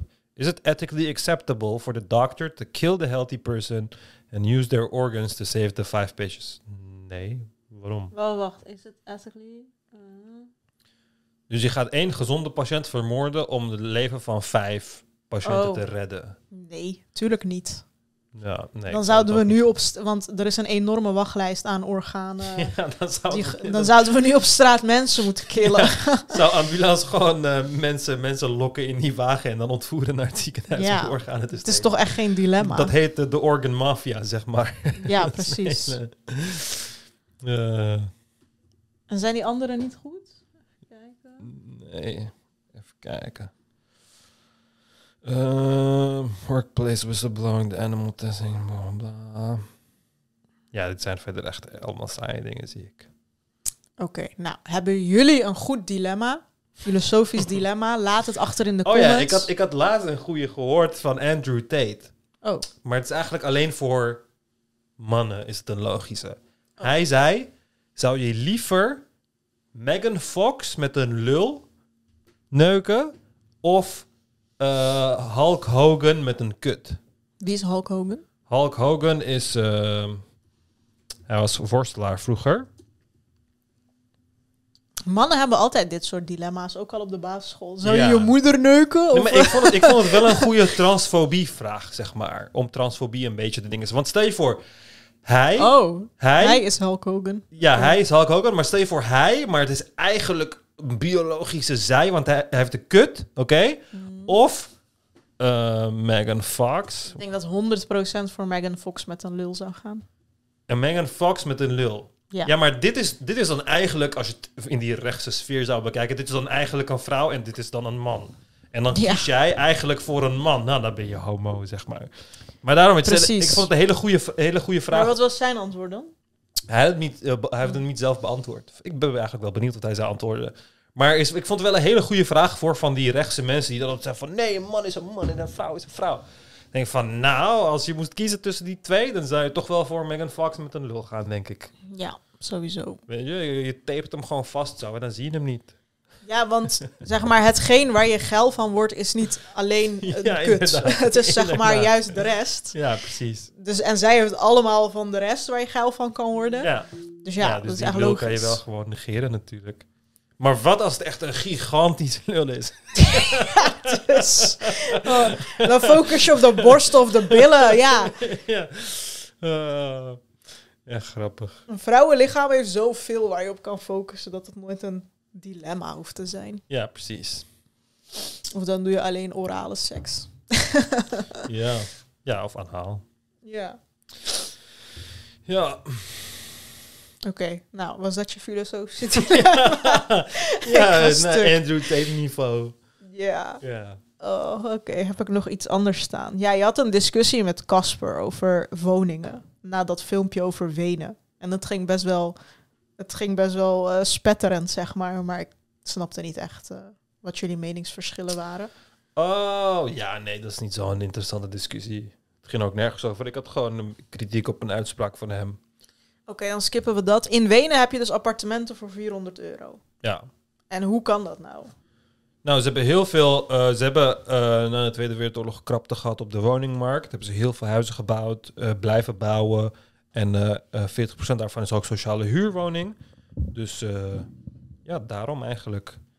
En eh, iemand zei toen van, kijk, zie je nou wel, als de overheid het wil, dan kan het. En toen zei hij van, nou, ik vind dat echt simplistisch en weet ik veel wat. Maar ik vind dat eigenlijk helemaal niet zo simplistisch. Want we zijn... Het is gewoon heel simpel waarom we deze problemen nu hebben. Hè? We hebben gewoon te weinig huizen gebouwd. we hebben te weinig huizen gebouwd. We hebben de huurders... eh, ehm, de huurders... eh, de, de verhuurders... eh, hoe, hoe heet het ook alweer? De verhuurders... Heffing? Heffing. Hebben we ingesteld na de, na de financiële crisis... om de, de kast te spekken. En dan hebben we die nooit meer afgedingest. En eh, het CBS had ook compleet verkeerd. Het CBS had... Het CBS dacht dat de hoeveelheid mensen die je op dit moment in Nederland hebt, je pas in 2040 in Nederland gaat hebben. Daarom zeg ik ook altijd dat die projecties eh, heel vaak niet te vertrouwen zijn, omdat je zo'n lijn vaak niet door kan trekken.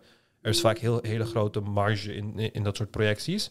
Maar ehm, dat is de reden. Dat is de enige reden. Het is gewoon dat de overheid niet adequaat heeft gehandeld in de woning eh, niet anticiperen en daarop inspelen. Dat, dat is gewoon de reden. En, en tuurlijk, dat, daar, dat kan je zo complex maken als dat je wil. Maar in de end hebben ze daarin gewoon fouten gemaakt. En eh, mogen ze daar gewoon best op aangesproken worden. En landen die die fouten niet hebben gemaakt, hebben gemaakt zoals, eh, of steden zoals eh, Wenen, ja, nou, die hebben het hartstikke goed voor elkaar gekregen. Maar ja, kijk, tegelijkertijd wil je ook wel eh, wil je wel dat, dat, ja, dat in jouw land de huizenprijzen of de huurprijzen hetzelfde liggen als in, in Wenen? Want ja, hier kan je als hu- huurbaas eh, lekker veel cashen. En in Wenen waarschijnlijk niet. In Wenen moet je drie keer zoveel woningen op je naam hebben om evenveel te verdienen als in Nederland waarschijnlijk aan de huur. Volgens mij zijn de winstmarges niet zo groot in Nederland. Nou, in Nederland, als je in de vastgoed zit, ik ken niemand die, die arm is en in de vastgoed zit, zeg maar. Ja, het maar het valt nu tegenwoordig echt mee. Ik ken mensen met meerdere huizen en zij zeggen gewoon dat ze helemaal kapot belast worden. Ja, maar uiteindelijk is het winstgevend nog steeds. Kijk, het natuurlijk, natuurlijk maakten ze eerst meer winst. Maar je hebt letterlijk nog steeds niks te klagen over je inkomsten als je eh, vastgoed bezit. Ja, maar dat geldt vooral voor mensen die vroeger zeg maar huizen hebben gekocht voor heel goedkoop. Mhm. En dat die nu letterlijk drie keer meer waard zijn geworden. Mhm. En ook nog eens... het, is niet, het is niet alleen vroeger hoor, het is gewoon nog steeds zo. Het is gewoon nog steeds Ja, als maar je... nu zijn huizen juist... Stel, je wilt nu Ja, beginnen nu. met pandjesbaas worden. Ja, Dan moet je nu- een huis kopen voor heel nu veel inderdaad. geld. Maar, maar bijvoorbeeld twee jaar geleden kon het bijvoorbeeld nog. Ja, twee jaar geleden wel, maar... Kijk, het huis, het huis waarin ik woon, twee jaar geleden was het huis 250.000 euro. Nu, nu kost hij een ton meer. Dat is in twee jaar tijd. Ze Ja. hebben gewoon een ton extra op de waarde en ze verhuren het gewoon voor 1500 euro in de maand op dit moment. Dus dan denk ik van ja, al die tijd kon het gewoon. En, en omdat je gewoon extreem veel winst pakte, echt absurd veel winst pakte, is het nu, omdat die winst minder is geworden, is het van, oh ja, kijk, we verdienen nu veel minder. Maar je verdient nog steeds veel. Terwijl je praktisch niks aan het doen bent. Het is praktisch net zo lui verdienen als Ja, het is een wel fucking uitkering. inkomen, ja. Ja, het is, gewoon net, het is gewoon letterlijk als een uitkering, maar dan een hoger segment. Weet ja. je? Ja, dat is waar. Dus, eh, dus dan denk ik van, ja, dan heb je heel weinig te zeuren. Want uiteindelijk, ben, als, je, als je panden hebt die je verhuurt, dan ben je gewoon rijk. Dat is gewoon, ja, als je panden bezit die je kan verhuren, ben je gewoon rijk. Want in het slechtste geval, in het aller, aller slechtste geval, kun je ze gewoon verkopen en gewoon je paar ton tot een miljoen gewoon innen. Weet je, dat is een waarde die nooit verloren gaat, tenzij huizen in Nederland opeens 0 euro waard worden. Maar dat is in geen enkel ander veld is dat zo. In al die andere velden kan je kan bitcoins hebben, waarde kan zo verdwijnen. Je kan aandelen hebben, waarde kan zo verdwijnen. Maar in de huizenmarkt is dat gewoon bijna niet het geval. Die huizen gaan altijd iets waard zijn. En je hebt gewoon altijd daar gewoon safe eh, een paar ton aan de kant staan. Dus Ja. Sommigen beweren dat ze echt break-even gaan. Met, dat- met de dingen die kapot gaan en Ja, zo. dat moet je niet doen. Doe het dan niet. maar kijk maar hoe ze het blijven doen. Je kan gewoon Maar je ton volgens mij is het nu dat ze, iedereen het verkoopt, toch? Dat had ik gelezen. Ja, beter dat iedereen het verkoopt. Dan Nu met de een- nieuwe regels met punten Ik heb veel liever dat... Ja, want kijk, al die dingen die ze hebben proberen in te stellen... mensen hebben daar helemaal scheid aan. In mijn, in mijn gebouw, je hebt bijvoorbeeld de zelfbewoningsplicht... waar je de eerste twee jaar zelf in je woning moet, moet wonen. Ja. Mensen hebben gewoon vier, vijf woningen gekocht... en het gewoon twee jaar leeggelaten. Gewoon leeggelaten. Gewoon, het ligt daar gewoon. En dan gewoon twee jaar leeggelaten. Niemand woont erin, omdat ze alleen zelf erin mochten wonen. En dan wanneer die twee jaar eh, eh, verlopen is, nu verhuren ze het weer aan mensen. Ze zijn vanaf vorige maand begonnen met verhuren. en dan Oh, denk ik van, dan heb je al die regels opgesteld, zodat mensen niet huizen kopen puur als investeringsobject om het voor duurder te verhuren. Maar die mensen hebben dan zoveel geld dat ze alsnog scheid hebben. Dus dan denk ik van, oh ja, nee, ik koop het wel. En dan laat ik het gewoon twee, eh, twee jaar aan de kant staan, totdat eh, die regeling eh, afgelopen is, zodat ik het weer kan verhuren. Dus ik vind het altijd echt uber asociaal. Dat er dan zoveel mensen zijn die op zoek zijn naar een huis. En dan heb je gewoon Ja. fucking drie woningen bij mij die gewoon leeg staan. Oh ja, oh, ik wist niet dat dat gebeurde. Oh ja, echt niet normaal ook. En één ervan heeft ook twee jaar lang vuilnis voor zijn deur laten staan. Twee jaar lang. Echt zo'n gigantische dozen waar dan koelkasten en wasmachines in zitten. En ik zat echt te... Elke dag keek ik er ook naar als ik op de balkon zat. Ik zat echt te wachten op dat ik die persoon een keer tegenkom. Wilde ik hem echt helemaal schreeuwen van hoe fucking asociaal je wel niet kan zijn. Om gewoon twee jaar lang vuilnis voor je deur te Maar laten dat mag staan. toch helemaal niet? Ja, maar uiteindelijk hebben we eh, brieven gestuurd en heeft de VW, VVE boetes naar ze gestuurd en zo. Maar ja, boeide geen reet. Het was gewoon een investeerder die, eh, die eh, drie woningen had gekocht onder elkaar. Oh, ik wist niet dat je vuilnis op straat mocht laten. Nee, het is niet op straat, maar het is voor je deur, zeg maar. Balkon is het, zeg Oh, maar. Het is een flat, toch? Ja. Dus het is echt voor je deur op de tweede, derde verdieping of zo. Ah, oké. Dus het geldt niet als straat. Oké, dan rond ik af. Eh dankjewel voor het luisteren. Heb je nou eh, vragen of suggesties, eh, dan kun je dat in de comments zetten. Je kan sowieso een like geven. Je kan de Telegram chat joinen. Dat kan via de link in de beschrijving. Je kan donateur worden, dan kom je in de speciale donateurschat. En eh, ja, dankjewel voor het luisteren. Tot de volgende keer. Tot de volgende keer.